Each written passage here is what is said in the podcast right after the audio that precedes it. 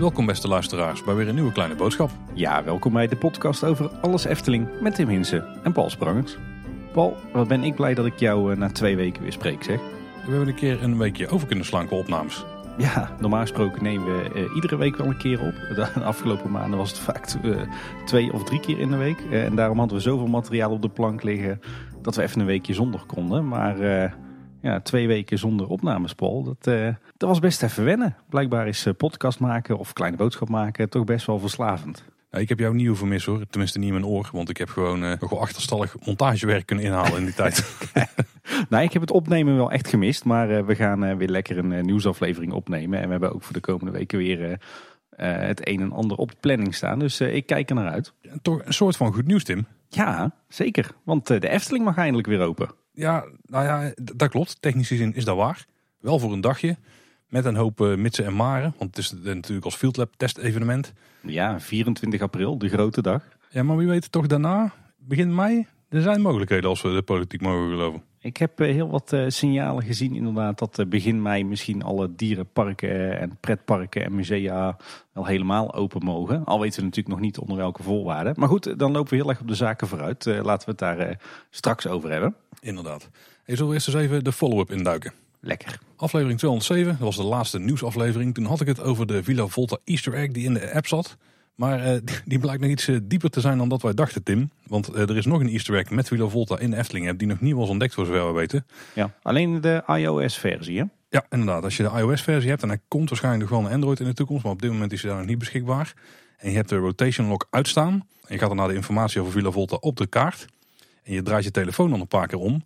Dan zal je zien dat tekst meedraait, want die staat natuurlijk verkeerd. Maar dan moet je misschien niet te vaak doen, want wie weet raakt dan je telefoon vervloekt in. Oeh, ja, ik zou het graag willen uitproberen, maar ik kan het dus niet. Want ik heb eh, hier eh, alleen maar Android op mijn, eh, mijn werk en mijn privé-telefoon. Eh, maar ik zag wel wat leuke screenshots voorbij komen, inderdaad. Volgens mij heb je een iPad, kun je hem ook opzetten, de Efteling app, en dan doe je het gewoon daarmee. Hey, Oh ja. turbo tip. Goed idee, dankjewel. Hey, en eh, nog, nog een leuke trouwens. In de vorige nieuwsaflevering kregen we de tip dat eh, als we dan toch een beetje een Efteling-ervaring wilden, dat we maar boodschappen moesten gaan doen in het Klein Warenhuis bij Bosrijk. Eh, maar luisteraar Nick Baks die wist nog te vertellen dat de broodafdeling van het Klein Warenhuis dan wel dicht is momenteel. En dan ook nog wat follow-up over de vorige aflevering. Die ging over lichtontwerp. Ja, daar hadden we misschien een, een belangrijke naam in de lichtontwerpwereld van de Efteling niet genoemd. En dat was Wim Dreesens. Ja, inderdaad. Be- bekende naam als het gaat om eh, Efteling en lichtontwerp. Die, die deed eigenlijk in het verleden eh, een tijdje het werk wat eh, Erik Brekelmans nu doet. Dus die was zeg maar lichtontwerper voor de Efteling. Volgens mij wel altijd eh, ingehuurd als freelancer. Zijn werk is dus een paar jaar geleden overgenomen door Erik Brekelmans. Maar hij is nog steeds bij de Efteling betrokken. Want hij doet het lichtontwerp voor Efteling musicals en theatershows. Ja, kijk. Hey, dan heb ik trouwens ook nog wel een, een, grappig verhaaltje te delen, Paul. Want eh, in het eh, interview met eh, de jongens van het licht van de Efteling ging het natuurlijk ook uitgebreid over het ombouwen naar LED van de hele Efteling. Nou, jij, jij weet waarschijnlijk wel uit de tijd dat, dat wij hier nog aan de keukentafel opnamen, dat ik in de woonkamer twee van die grote lampen heb hangen. Die zijn gemaakt met drijfhout en daar zitten nou, volgens mij zeven of acht kaarslampjes per lamp ingedraaid. Mhm. Enorme energievreters. Maar ja, ik dacht altijd, die kan ik niet verletten. Want dat zijn van die mooie, warme, bijna oranje kaarslampjes. Nou ja, na geluisterd te hebben naar het eh, verhaal van eh, Stan Dingemans... dacht ik van, ja, dan ga ik toch ook eens de uitdaging aan... kijken of ik nu wel fatsoenlijke ledvervangers kan eh, vinden voor die kaarslampjes. Nou, je wil niet weten hoeveel van die dingen dat ik voorbij heb zien komen. Maar heb je ze uit China besteld? Want die gaan snel kapot, heb ik ook begrepen. Ja, nee, de- uiteindelijk niet. Ik moet zeggen, er zijn bij mij ook tientallen verschillende kaarslampen voorbij gekomen eh, voordat ik uiteindelijk een geschikte vervanger had. Eh, ze komen trouwens wel uit Griekenland, inderdaad. Oh ja, oké. Nog steeds EU, dus dat vertrouw ik al. Ze zijn uiteindelijk nog net, niet, nog net niet mat en oranje genoeg voor, voor mijn gevoel eigenlijk. Maar eh, ik kan er tenminste 's ochtends wel goed de krant lezen. En eh, we zijn een stukken duurzamer geworden hier thuis. En eh, ja, dat allemaal toch wel dankzij de inspirerende woorden van, eh, van Stan. Kunnen we alleen maar goedkeuren. Zullen we eens de hoofdonderwerpen in gaan duiken? Ja, Ik denk dat we maar eens beginnen met uh, wederom wat snelle bouwupdates. Want er lopen toch heel wat projecten. Nou ja, ik zeg snelle, maar op de valreep is er nog een berg informatie eh, bijgekomen. Maar eerst even beginnen met de korte bouwupdates. Dan starten we denk ik met Café de Efteling. Ja, inderdaad. is ergens ook wel natuurlijk een klein beetje een, een projectje van de Efteling. Ehm, daar is het nodige gebeurd de afgelopen twee weken. Uh, Eftelingers zijn daar natuurlijk lekker aan het, aan het klussen. om daar ja, eigenlijk een beetje het, het honk, de thuisbasis te maken voor het personeel. Hè, om even tot rust te komen en even helemaal weg te zijn.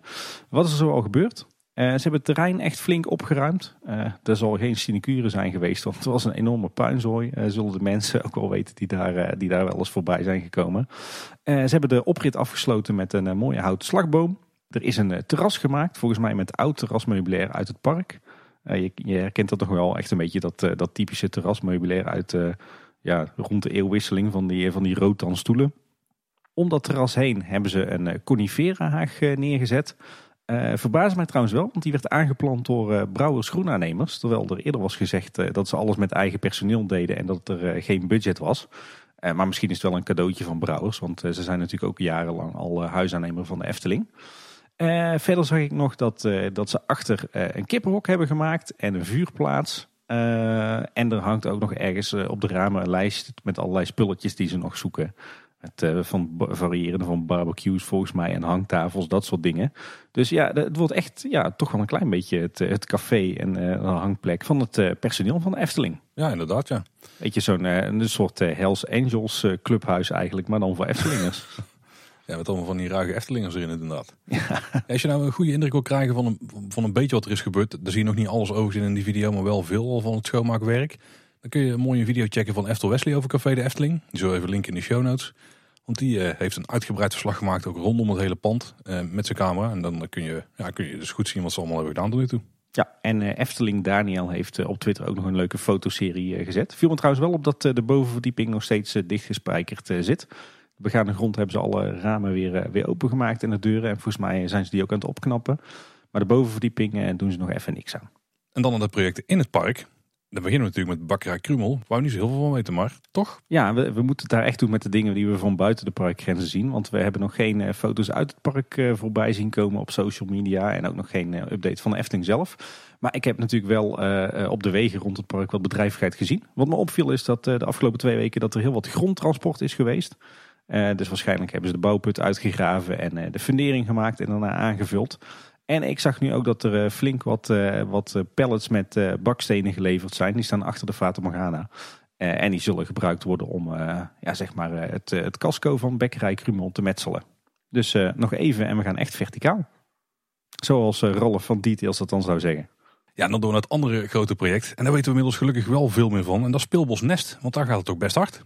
Ja, inderdaad. Daar gaat het heel hard. Daar schrok ik van, in positieve zin. En toevallig vandaag op onze opnamedag een mooie update op eh, de Efteling blog. Daar kwam qua timing meer perfect uit. Het bericht was een eh, interview met Robert Jaap, in ieder geval voor een groot deel.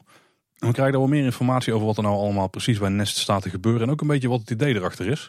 Want zo omschrijft Robert Jaap het als dat de verschillende sferen van Raakrijk samenvloeien in een door kinderen gejutterde wereld. Ja. Dat is toch wel redelijk wat wij zelf ook al hadden achterhaald aan de hand van het steltje. Ja, ik verbaasde me wel over die uitspraak. Want volgens mij bedoelen ze hier het uh, jutten als in strandjutten. En dan heb je het over een gejutte wereld en niet over een gejutterde wereld. Want dat is een wereld die uh, heel snel ritmisch op en neer beweegt. En dat zullen ze net niet bedoelen, denk ik. Maar goed, kleinigheidje. Nou, we weten in ieder geval ook dat het vlonderpad wat rondom uh, Nest gaat lopen ongeveer 80 meter is.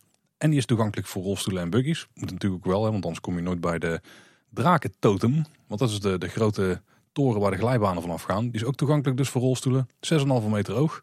Dan heb je wat uitzicht. Er zit ook die periscoop op, waar we al eerder wat over hadden gehoord. En er zitten dus twee glijbanen aan. Dus toch, daar hadden wij eh, zo onze twijfels over. Hè? Of het niet uiteindelijk eh, teruggebracht was tot één glijbaan. Maar het zijn er twee.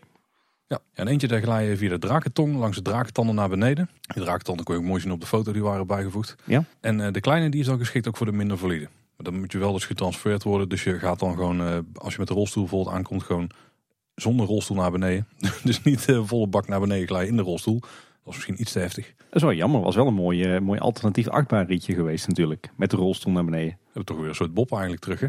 ja. Dus ik vermoed dan dat die lagen dat die niet vanuit de, echt de hoge toren gaat waar die kop in zit. Eh, maar vanaf het vlonderpad zelf. Ja. ja, jij zei ook al, er zat een, eh, een foto bij. Hè? Er was volgens mij een, een, was volgens mij een medewerker van decoratie en vormgeving. Was die drakentanden aan het, aan het ophangen aan de groene houten balken die de bek van de draak moeten voorstellen. Ik, ik hoorde daar veel kritiek op. Wat vond jij ervan? Ik vond het wel bijzonder eigenlijk, want uh, de, een van de dingen is dat het een veilige speelomgeving moet zijn voor alle kinderen.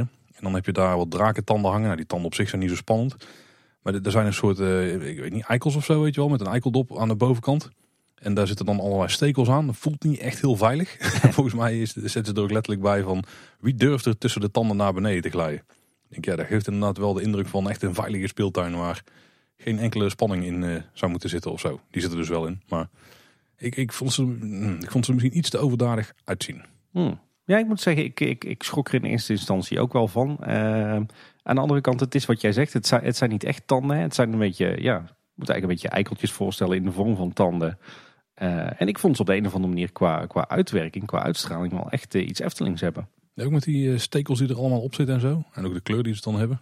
Dus de, die, die doppen misschien net iets te bont of zo, maar uh, het, sloot voor mijn gevoel wel heel erg aan bij uh, die stijl die we ook kennen vanuit het, uh, het Loonse Land. Het idee is dat het dus een bij elkaar gejutte wereld is. We verbeteren meteen even. Dus dan zou je ook misschien ook verwachten dat je al die objecten kunt teruggeleiden naar elementen uit Raakrijk. En dat lukt me bij die in ieder geval niet. Het komt niet uit de natuur, want het zijn echt geen natuurlijke eikeldoppen. Maar het is, het is ook niet iets wat je kunt teruggeleiden naar een van de andere attracties, toch? Of mis ik iets? Nee, nee het verwijst natuurlijk naar Joris en de Draak, hè? Ja, maar omdat gewoon, dat is de, de drakenkop in zich heel mee. Je denken dat de individuele onderdelen dat die gesprokkeld zijn in de omgeving. Ja. Dat is een beetje het verhaal dus. Ja, ik snap je punt wel. Ik ben in ieder geval blij dat het niet echt gewoon echt uh, plastic tanden zijn of een plastic drakenkop. Maar dat het inderdaad uh, bestaat uit bij elkaar geraapte elementen. Het, het oogde wel redelijk natuurlijk. Ja, laten we gaan verder gaan. Ja, want in het eh, blogbericht vinden we nog heel wat andere zaken die we straks eh, terug gaan vinden in de speeltuin. In het speelbos moet ik eigenlijk zeggen. En zo komt er een rolstoel toegankelijk waterbed. Dat eruit ziet als een, uh, een schat, land- en zeekaart. Dus daar zul je waarschijnlijk met de rolstoel en al op kunnen rijden en dan een beetje op en neer wiebelen. Heb jij dit ooit wel eens ergens anders gezien? nee, ja, we kennen natuurlijk wel het waterbed uit, uit de dierenwereld van Pandadroom. Heb jij daar nog wel eens op gespeeld met, met jouw kinderen of misschien zelf zonder kinderen? Dat is waar, eh, waar later die, uh, die videoprojectie is, uh, is verschenen die interactief was. Oh ja, daar ben ik zelf. Mijn kinderen die zijn er te jong voor. Want sinds die er zijn is het al die projectie. Ik heb daar vroeger vast wel een keer overheen gelopen, ja, maar dat is lang geleden. Ik ben daar, ik ben er een jaar of 15 niet geweest. Hè? Dan had je zo'n soort waterbed in, in de vloer zitten.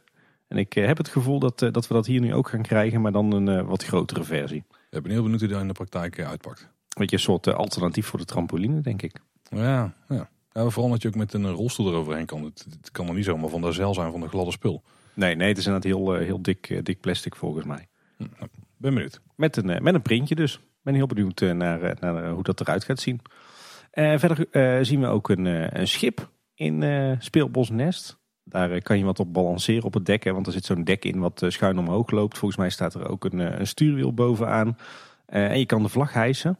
En ook daar zagen we een fotootje van op de blog. En ook die deed nogal wat eh, stof opwaaien onder de Efteling-liefhebbers. Ja, was niet het meest mooie vormgegeven schip. Ik had niet het idee dat het af is. Ik denk dat hij nog een paar sierlijsten op moeten die eh, de nogal ruwe hoeken een beetje zou moeten verhullen. En je ziet ook nog wat kabels eruit komen voor een lampje wat eraan komt en zo. Uiteindelijk kan het er best aardig uitzien. Maar dan ook hier zitten toch weer van die grote gaten waar je erheen kunt kruipen.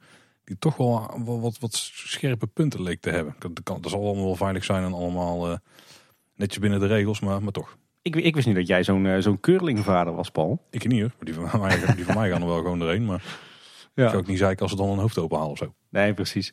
Nou ja, dat, vond ik wel grappig na die discussie. Maar dit, dit is echt zo'n uh, zo'n speeltoestel wat gewoon uh, letterlijk uit de catalogus komt. Want ik ken hem uit meerdere natuurspeeltuinen en speelbossen.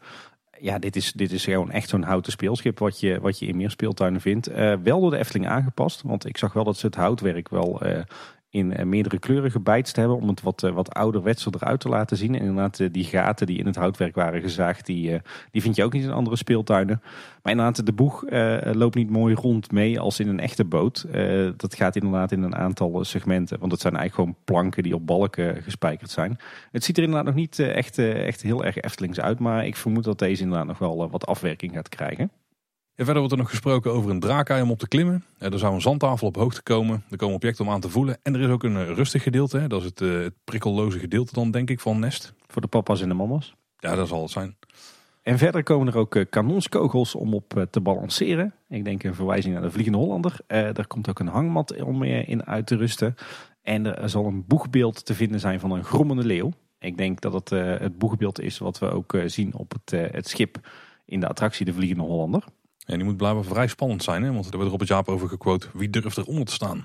Ja, ja ik, ik denk dat ik wel een idee heb welk boegbeeld dat gaat zijn. Volgens mij hebben ze de mal nog liggen in het Gildenhuis ben wel benieuwd hoe de kinderen dan bij elkaar hebben gesprokkeld. Want het is natuurlijk een attractie waar de meeste kinderen die daar in Speelbos Nest gaan spelen nog niet in zijn geweest. Dus hoe weten ze dan dat ze dat daar neer hadden moeten? Daar kun je niet al te lang over nadenken. Misschien hebben ze gejut in het gildehuis. ja, dat kan ook. Of gewoon na sluitingstijd. Hè? ja, stuk tv. wat, eh, wat voor mij trouwens nieuw was en wat, eh, wat ook erg leuk eh, klonk, is dat er ook mijnkarretjes komen waarin je kunt wippen. En je kan afdalen van een miniatuurversie van de schachttoren van Baron 1898. Klinkt allebei ook heel tof. Ja, ook dingen die we niet echt zagen in de concept art. Dus ik ben ik heel benieuwd hoe dat er in de praktijk uit komt te zien. Oh. Ik, ik, mis alleen wel een, een waterelement. Dus ik ben benieuwd of we hier nog iets van een vorm van waterspeeltuin terug gaan zien. Of dat die helemaal is weggestreept. Ja, ik denk het stukje wat wij dachten dat misschien waterspeeltuin was in concept art. Dus denk ik wat dat uh, waterkussen is geworden.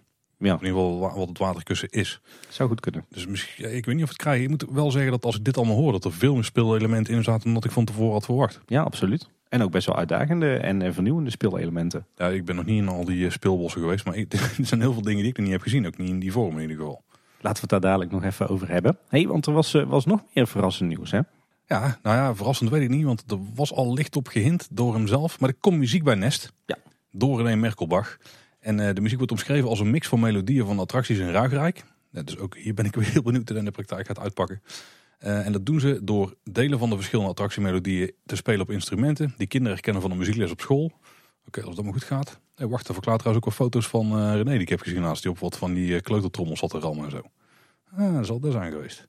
Nou, en ze vervolgen, de muziek zal straks een spannende en vrolijke mix worden met de bijzondere geluiden die doordringen uit Ruigrijk. Ik ben heel benieuwd. Er was wel één discutabel ding wat daar ook bij werd geopperd. Maar misschien zijn wij gewoon niet de doelgroep, Tim. Er komt zelfs een echt vriendenlied met Jel. Kijk, die eh, zag ik ook niet, uh, niet aankomen. Ik moet zeggen, voorafgaand aan deze opname dacht ik nog... ik ga een eh, hele grappige jel over Speelbosnest verzinnen... maar daar ben ik niet meer aan toegekomen. Dus bij deze roep ik onze luisteraars op... verzin je toepasselijke jel voor Speelbosnest. Ben benieuwd wat daar uit naar voren komt. Ja, wat we al zeiden, er zaten wat foto's bij. Die hebben we eens even goed doorgespit. En een paar dingen die vallen daar, daarbij op. Wat we natuurlijk zien is hoe de kleur uiteindelijk uitpakt. Zoals het hout is beschilderd. Uh, toch wel aardig bonte kleuren. Ik kreeg er wel een lichte Max Moritz vibe van eigenlijk. Ja, absoluut. Het was ook een beetje hetzelfde kleurgebruik. Hè? wel veel houtkleur. Um, ik heb wel de indruk dat ze niet echt het, het, hout onbewerkt laten. Dus volgens mij wordt al het hout wel op een manier gebijtst. maar veel bruintinten. Maar daarnaast zag ik ook weer wat groen, rood en blauw voorbij komen. Ja, en ik denk dat ik echt gewoon letterlijk dezelfde verf als bij Max Moritz. In ieder geval het groen leek echt gewoon één op één op diezelfde ja. kleuren daar. En er zaten ook wat, wat foto's tussen, met name van dat, uh, het, het kraaiennest wat, uh, wat bij de ingang is, is geplaatst. Er waren nog echt die ontzettende knalkleuren. Maar op andere foto's zagen we wel dat ze die kleuren ook wel nog een beetje gaan inschaduwen. Hè. Dus die, die worden wat, wat donkerder en verweerder gemaakt. Dus dan vallen ze net wat meer weg. Ja, in één foto konden we ook al denk ik een randje spotten van het verwende nest. In ieder geval van de tent waar de horecapunt waarschijnlijk zich onder bevindt. Alleen als je daar dan naar keek, dan zag je ook gewoon de achterkant van de Game Gallery staan. We hebben natuurlijk wel gehad over dat er zo'n groene, ja, een soort groene rand om het gebied heen komt. Die lijkt er dus niet helemaal nog te staan of te liggen. Of hij moet nog gewoon uh, dichter groeien, dat zou natuurlijk ook kunnen. Maar op dit moment kijk je nog gewoon dwars aan de achterkant van de Game Gallery. En dat is nou niet echt het allermooiste stukje van de Efteling, denk ik. Nee, niet dus hopelijk groeit het nog mooi dicht voordat het, uh, het veelbos opent. Of plant het nog verder aan. Ja, wat mij nog wel opviel, hè, het, het, is er al eerder over gegaan dat het, eh, dat het echt een, eh, een, een soort van warm nest moet worden. Wat omgeven is met, met een stobbelwal en snoeihout. maar voor mijn gevoel gaan ze ook best wel veel schuttingen en van die palissadewanden, hè, van die ja, van die palen op een rij rondom het speelbos plaatsen. Om het wat meer een, een afgesloten geheel te maken. Ik denk ook al een soort balustrade rondom de vlonderpad natuurlijk wat er ligt. Ja. Dan skukkel je zo naar beneden. Niet echt praktisch. Nee. En verder hebben we nog geleerd dat er ook heel veel gebruik wordt gemaakt van robinia hout. Nou zeg maar er helemaal niks Tim, maar hopelijk uh, weet jij wel wat het is. Ja, dat is eigenlijk een, eh, een houtsoort die eh, standaard wordt gebruikt voor dit soort natuurspeeltuinen in oh. de buitenlucht. Want dat is dan hout wat niet zo snel splintert of zo? Ja, inderdaad. En hout wat gewoon heel lang meegaat in de buitenlucht. En wat je eigenlijk ook niet, uh, niet hoeft te schilderen. Dus dat de Efteling daar nu wel voor kiest, uh, is op zich verrassend. Zeker omdat het natuurlijk wel wat betekent voor het onderhoud de komende jaren. Maar dat hoef je eigenlijk niet, niet te bewerken. Dat kan je gewoon zo kaal en puur toepassen. Ja, en als klop op de vuurpijl, Tim, kregen we ook nog een Instagram-videootje die de Efteling had geplaatst met een, eh, in ieder geval voor mij onbekende Efteling-medewerker. Heb ik nog niet eerder gezien. Nee, ik ook niet. Het, het, het- hij deed een beetje een, eh, een Benton-imitatie eigenlijk, hè? Ik vond het best goed eigenlijk. Ja. Zou, zou het gewoon een, eh, een medewerker uit de exploitatie zijn? Ik vermoed van wel, maar die is ofwel natuurlijk op camera of die heeft voor training gehad of zo. Maar die deed echt goed. Gewoon een natuurtalent. Ja, wat minder talentvol was misschien degene die het script had gemaakt. Want er werd heel duidelijk gepraat, ik ga jullie drie weetjes vertellen. Ik heb zitten meetellen, maar ik kwam of tot twee weetjes of tot vijf. Dus ik weet niet helemaal precies hoe, hoe ik dat had moeten tellen. Maar wat we in ieder geval zien in de video is dat het speelbos al ver klaar is. Want er ligt zelfs al, eh, al zand. En er zou dan, het zou speelzand kunnen zijn, maar misschien is de, de ondergrond voor, eh, ja, niet tegelwerk, maar waarschijnlijk voor die, eh, die rubbervloer die daar eh, gaat komen. Of misschien komt er wel van die, kunst, eh, van die kunstschors. Nou, het- voor mijn gevoel eh, zag, het- zag het er wel uit alsof dit echt wel speelzand wordt. Oké, dus dan moeten we de schoen ook weer leeggooien van de kids als we daar zijn geweest. Yes. Daar ben ik inmiddels heel goed in geworden trouwens. ik ook, ja. Eh, ook zien we het kraaiennest met de mast en de, de zeilen die zijn al geplaatst. Er zijn ook eh, houten paaltjes geplaatst om op te balanceren. Die lopen een beetje in een cirkel eh, naar binnen. En hij doet een, mega dennenappel de camera in. En eh, verder vertelt hij ook over die drakentoren waar we net al over hebben gehad. Ja, tof videootje, toffe update. Eigenlijk wel vreemd dat ze dit niet in het blog zelf hebben gestopt. Nee, nee, heel veel mooie beelden. En toch een inkijkje in, in de bouwwerkzaamheden en hoe ver het nu is. Dit is wel inderdaad een ratje toe de, qua updates over Nest. Want we hebben een soort van making-of video gehad.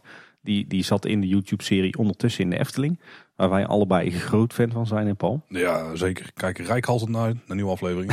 ja.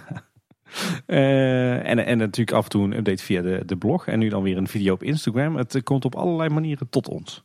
Zou dat eh, de nieuwe communicatiestrategie zijn? Ja, dat is toch een stukje crossmediale storytelling die ze hier rondom Nest doen, denk ik. Dat, eh, dat zal het zijn. Eh, weet je wat mij trouwens nog opviel? Als we het toch over Nest hebben. Het is weer een retorische vraag. Ja. En dat de Python misschien nog mist in het aanbod. Ja, dat is wel een goede trouwens, ja. Daar, eh, daar zitten inderdaad nog geen verwijzingen naar in eh, de speeltoestellen. Ja, we zien van vrij veel achtbanen in ieder geval verwijzingen, maar van de Python helemaal niks. Nee, tot, tot op heden is het vooral eh, de Vliegende Hollander, Joris en de Draak en Bron 1898... eh, eh, wat we terugzien in Speelbosnest. Dat is de Python toch wel de groot afwezige tot nu toe. Ja. Maar dat was denk ik niet waar je op doelde. Nee, inderdaad. Eh, wat mij opviel is dat er al eh, heel wat weken een enorme berg snoeihout ligt. ehm, bij eh, Poort Python. Dat is zeg maar de, poort aan de Pythonweide waarmee je uitkomt op de Eftelingse straat. En heel lang heb ik gedacht, en, en met mij wel meer eh, mensen trouwens, dat er flink gesnoeid is in de Efteling. En dat het eh, snoeihout daar neergegooid is en een keer wordt afgevoerd. Maar ik denk dus dat dit, eh, dit alle takken zijn eh, en al het snoeiafval wat ze gaan gebruiken om van die grote takkenrillen rond Speelbosnest eh, te leggen. Waarschijnlijk doen ze dat pas als, eh, als allerlaatste en liggen ze nu eh, in de weg op de bouwplaats. En hebben ze daarom eh, op grote hopen neergegooid bij, eh, bij Python. Ik denk dat, eh, dat we dat ook nog eh, terug gaan zien rond Speelbosnest. Hey, en eh, Paul, we hebben nu dus dankzij deze eh, update op de blog en ook nog die Instagram video eh, ineens weer veel meer gezien van Speelbosnest dan, dan wat we tot nu toe hadden gezien. Heb jij jouw mening nog eh, bijgesteld naar aanleiding van eh, deze nieuwe berichten? Maar die is vrij neutraal. Qua uitstraling eh, ben ik er nog niet helemaal kapot van. Maar dat moet ik denk ik ook gewoon in het echt vooral gaan zien. Ik vind wel dat het speelaanbod dus veel interessanter is dan dat ik van tevoren had verwacht. Want als je de concept art zag, leek het redelijk, ja, misschien wel kaal gebied, zeg maar. Waar niet super veel te doen was. Maar er blijken ook heel veel kleine speelelementen in te zitten. Dus dat is wel heel tof. Ik heb er echt wel zin om daar met de kinderen doorheen te gaan struinen. Wat me trouwens ook opvalt, de liefhebbers zijn misschien altijd wel kritisch. Maar als je dan kijkt onder eh, bijvoorbeeld eh, de Twitter post over Nest en ook eh, het Instagram bericht. Dan zijn de meeste bezoekers, dus, of tenminste de meeste potentiële bezoekers, die zijn super enthousiast. Hè? Die reageren heel positief op. Ja. Ehm, maar ik, ik, nou ja, ik, ik kan toch even ook de kritische liefhebber weer spelen, Tim. Ja? Want ik, zit een beetje met eh, de storytelling. Want ik heb het idee dat we hier weer een beetje een sprookjesboom eh, gaan slaan, zeg maar. Want je hebt Ruigrijk, allemaal, tenminste niet allemaal, maar gewoon een groot deel eh, individuele attracties die een eigen wereld scheppen. Waar je helemaal opgeslokt kunt worden. Kijk naar de Vliegende Hollander. Kijk naar Joris en de Draak. Kijk ook trouwens tegenwoordig naar de oude Tuffer. Die doet ook een stuk beter dan voorheen. Ja. En kijk zeker naar Baron 1898. Maar blijkbaar hè, is er dan toch weer iets wat dat allemaal verbindt. En dat is dan een bos wat kinderen bij elkaar hebben gesprokkeld. Dus je hebt al die verschillende werelden in Efteling die in principe op zichzelf staan. Niet echt in deze wereld zitten, want je verdwijnt dan even uit de echte wereld. Maar toch hebben al die kinderen dan alles weer bij elkaar getrokken en op één hoop geflikkerd. Waardoor er dus eigenlijk weer een, ja weet je wel, zo'n verbindende sprookjesbos ding is. Waar aan het eind van de dag eh, Gustav dan misschien op zijn gemakske een eh pilsje gaat drinken met Willem van der Dek of zo. En dan, weet je wel, ik voor Speelbos Nest bestaan alle gebieden, alle attracties die in een ruikrijk liggen. Er zijn gewoon dingen die zijn gemaakt van hout en stenen en waar mensen aan hebben gewerkt. En het zijn niet die immersive thema ervaringen, zeg maar, die het eigenlijk zouden moeten zijn. En dan haalt je er weer een beetje uit, weet je wel. Misschien als het simpeler moeten houden of het thema ergens anders in moeten zoeken. Maar het is toch wel weer, ja, de- voor mij voelt het een beetje als, het, als een sprookjesboom van het is gewoon heel normaaltjes allemaal wat er staat. En het zijn niet die bijzondere dingen die je er eigenlijk in zou moeten zien. Ja, en dan, dan moet dat eh, het sprookjesboek De Redders van Ruigrijk van eh, Mark de Hond moet natuurlijk nog uitkomen. Want dat schrijft eigenlijk ook weer een backstory bij het verhaal van Speelbos Nest. Dus dat maakt het allemaal nog net wat complexer. Ja, ik ben, ik ben bang dat ik daar misschien wel conceptueel hetzelfde probleem mee zou hebben. ja. Ja. ja, ik ben bang dat ze hier echt te zeer hun best hebben gedaan om er eh, toch weer een verhaal bij te verzinnen. Terwijl een speelbos natuurlijk ook best gewoon een speelbos mag zijn met een mooi thema of mooie decoratie. Er hoeft niet per se een verhaal bij te zitten natuurlijk. Ja, daar kan er ook nog steeds wel een verhaal bij zitten. En ik moet zeggen dat op zich de vondst is best goed. Alleen ik denk voor hetgene waar je als Efteling voor wil staan, eh, dat je dus echt van die gebieden waar je zelf in kunt verliezen, daar raak je een beetje kwijt. Eh, als, je, nou, als, het, als je gewoon net doet dat het door, door bouwlieden van de Efteling zelf gemaakte omgevingen zijn, zeg maar. Maar is dat dan niet een beetje vergelijkbaar met eh, de Society of Explorers and Adventurers, zoals we die in de Disney-sfeer terugvinden? Nee, want daar eh, gaat het juist over. Dat, dat is een verhaal wat al die attracties verbindt, maar wel op een manier dat het in het grotere verhaal past, zeg maar. Dat verhaal zelf is ook een immersive ervaring, zeg maar. Ja. Terwijl eh, Nest is dadelijk gewoon van, oh ja, er lagen nog wel onderdelen van de, de bouw van de Vliegende Hollander en die hebben we even erbij getrokken. En eh, oh, we hadden nog een houten drakenkop gevonden, die hebben we ook even weggetrokken en we hebben hout groen geschilderd. En, want dan lijkt het een beetje op de dingen die we daar en daar ook zien. Verhaal technisch helemaal niet met elkaar verbonden zijn. Het geld was op dankzij corona, dus we hebben de zolder van het Gildenhuis maar leeggetrokken. Dat idee. Nou, daar lijkt het dan nog net niet op. Maar eh, nog steeds, kijk, als attractie op zich of als, als ervaring op zich. eh, Kijk, voor de kinderen maakt het geen zak uit en die gaan zich daar eh, prima van maken. Sterker nog, die gaan zich daar beter van maken dan ik van tevoren had verwacht. En ook voor de kinderen in de rolstoel lijkt er veel meer te doen te zijn dan dat ik in eerste instantie had verwacht. Ja. Dus wat dat betreft scoren ze wel punten. Ja, ik moet zeggen, mijn mening is wel ten positieve veranderd dankzij deze, deze blogpost en het, het filmpje op Instagram. Eh, ik moet zeggen, ik, ik ben altijd al groot voorstander geweest van meer eh, speeltuinen in de Efteling. Dat eh, maken we natuurlijk ook geen geheim van hier. Dat zeker. Wij zijn natuurlijk ook absoluut de doelgroep met, met onze meiden. Ik ben zeker ook groot voorstander van een speelbos en natuurlijk spelen. Eh, alleen ik had wel één grote vrees. Kijk, eh, zeker nu in, eh, in coronatijd eh, gaan wij ieder weekend wel één of twee dagen de natuur in. En we bezoeken ook altijd wel een, een natuurspeeltuin. Ik denk dat ik de afgelopen maanden misschien wel twintig natuurspeeltuinen en speelbossen heb gezien in Nederland. En op een gegeven moment dan ken je het verhaal wel. En dan ga je ook telkens weer dezelfde speelelementen en dezelfde toestellen en dezelfde materialen terugzien. En dan denk je, ja, weer een net, weer een touw. Eh, nu kennen we het wel. En ik was er heel erg bang voor dat, eh, dat we dat ook terug gingen zien in Speelbos Nest. En, en eigenlijk had ik twee zorgen bij het speelbos. Enerzijds eh, is het wel uniek genoeg, is het wel onderscheidend genoeg. Want als je als Efteling een speelbos of een speeltuin gaat maken, dan moet het wel echt iets anders zijn dan, dan die eenheidsworst die die je ziet in alle andere dierentuinen en pretparken en, en natuurgebieden. En anderzijds is het dan wel Eftelings, heeft het ook een Eftelingse touch. Nou, ik moet zeggen dat dat, dat tweede, dat weet ik nog niet of het echt Eftelings is. Eh, ik heb dingen gezien waarvan ik zeg van nou, dit is voor mijn gevoel echt niet Eftelings, maar ook alweer decoratie-elementen waarvan ik denk van ja, dit, dit voelt echt wel als typisch Eftelings. Maar het verhaal is het anders dan alle andere speelbossen en natuurspeeltuinen die we kennen in Nederland. Ja, eh, gelukkig eh, is dat dus wel het geval. Want als ik, als ik hoor wat we hier allemaal voor speelelementen krijgen, hoe die zijn aangekleed, eh, wat het verhaal erachter is. En, en ik zie wat speelelementen op foto. Tuurlijk zitten er de standaard toestellen tussen. eh, maar allemaal wel op een hele bijzondere manier eh, gedecoreerd en aangekleed. En een ander kleurtje gegeven dan dat ik in, in heel veel andere natuurspeeltuinen al gezien heb. Dus het is wel totaal iets anders. En ook veel meer dan alleen de natuurspeeltuin zoals we die nu al kennen. Dus daar, dat verrast mij wel positief. Of het ook echt Eftelings is, ja, dat vind ik nu nog lastig oordelen op basis van een paar blogposts en een paar fragmentarische foto's. Ik denk dat we dat pas gaan zien eh, zodra het speelbos klaar is en we er ook echt, eh, echt in kunnen. Ik eh, ben er wel zeker van, net als jij, dat, dat mijn dochters zich hier buitengewoon goed, goed gaan vermaken in een, een unieke natuurspeeltuin. Ik zou het wel een gemiste kans vinden als we hier geen waterspeeltuin terug gaan vinden. Eh even goed als dat ik het nog steeds een gemiste kans vind dat we geen eh, invul krijgen die Polka Marina eh, vervangt. Maar hopelijk wordt dat ooit nog in een fase 2 opgelost. Ja, nou zullen we ons verder gaan naar het volgende onderwerp, Tim? Ja. Hij staat al lang op het lijstje, we hebben hem al een paar keer aangehaald, maar hadden hem tot nu toe zelfs nog niet gezien. De expeditie van de familie Vos. Inmiddels hebben we hem beide bekeken, hè? Allebei hebben we ons eraan gewaagd eh, ergens de afgelopen twee weken. Want jij had hem eh, volgens mij digitaal gekocht en ik had eh, een ouderwetse DVD opgestuurd gekregen. Met de copyright notice en al aan het begin, hoop ik. Lekker uh, ouderwets inderdaad. Is er nog steeds dezelfde muziekje? Doe, doe, doe, doe, doe, doe, doe, Of het al nu? Nee, het was stil. Er zat geen geluid achter. Ah, oké. Ik, ik, heb al lang geen dvd's meer gebruikt. En met de expeditie van de familie Vos, ja, ik heb hem gekeken. Uh, met het gezin. Dat was denk ik de allerbeste samenstelling om in te kijken. Zeker. Kinderen vonden het uh, heel vermakelijk. En ik moet zeggen dat ik mezelf ook eigenlijk best prima heb vermaakt met die film. Ja. Het scheelt ook dat hij niet ellenlang doorgaat. Nee, het is maar 75 minuutjes hè? Ja, dat viel me alles uh, ja, mee eigenlijk. Daardoor was het tempo was, uh, was best goed. Maar ja, als film is het inderdaad niet uh, hm, om over naar huis te schrijven. Laat het, laat het. Nou ja, weet je het is? Het is echt zo'n typische Nederlandse kerstfilm. Hè? Die, die van oudsher vlak voor de kerstvakantie uitkomen. zodat er heel veel gezinnetjes in de kerstvakantie naar de bioscoop gaan. en daar heb ik er ook best wel wat, wat van gezien. Hè? Een beetje het genre alles is liefde en, en alles wat slechter is dan dat. Uh, en ik moet zeggen, het, het, is nou niet per se de beste film in dat genre, maar zeker ook niet de slechtste film hoor. Nee, ze hebben nog wel aardige acteurs bij elkaar weten te sprokkelen die uh, nou, in ieder geval met hetgene wat ze krijgen nog best iets weten te doen. Ik vond dat de kinderen ook best goed uh, acteerwerk leverden eigenlijk. Ja, zeker.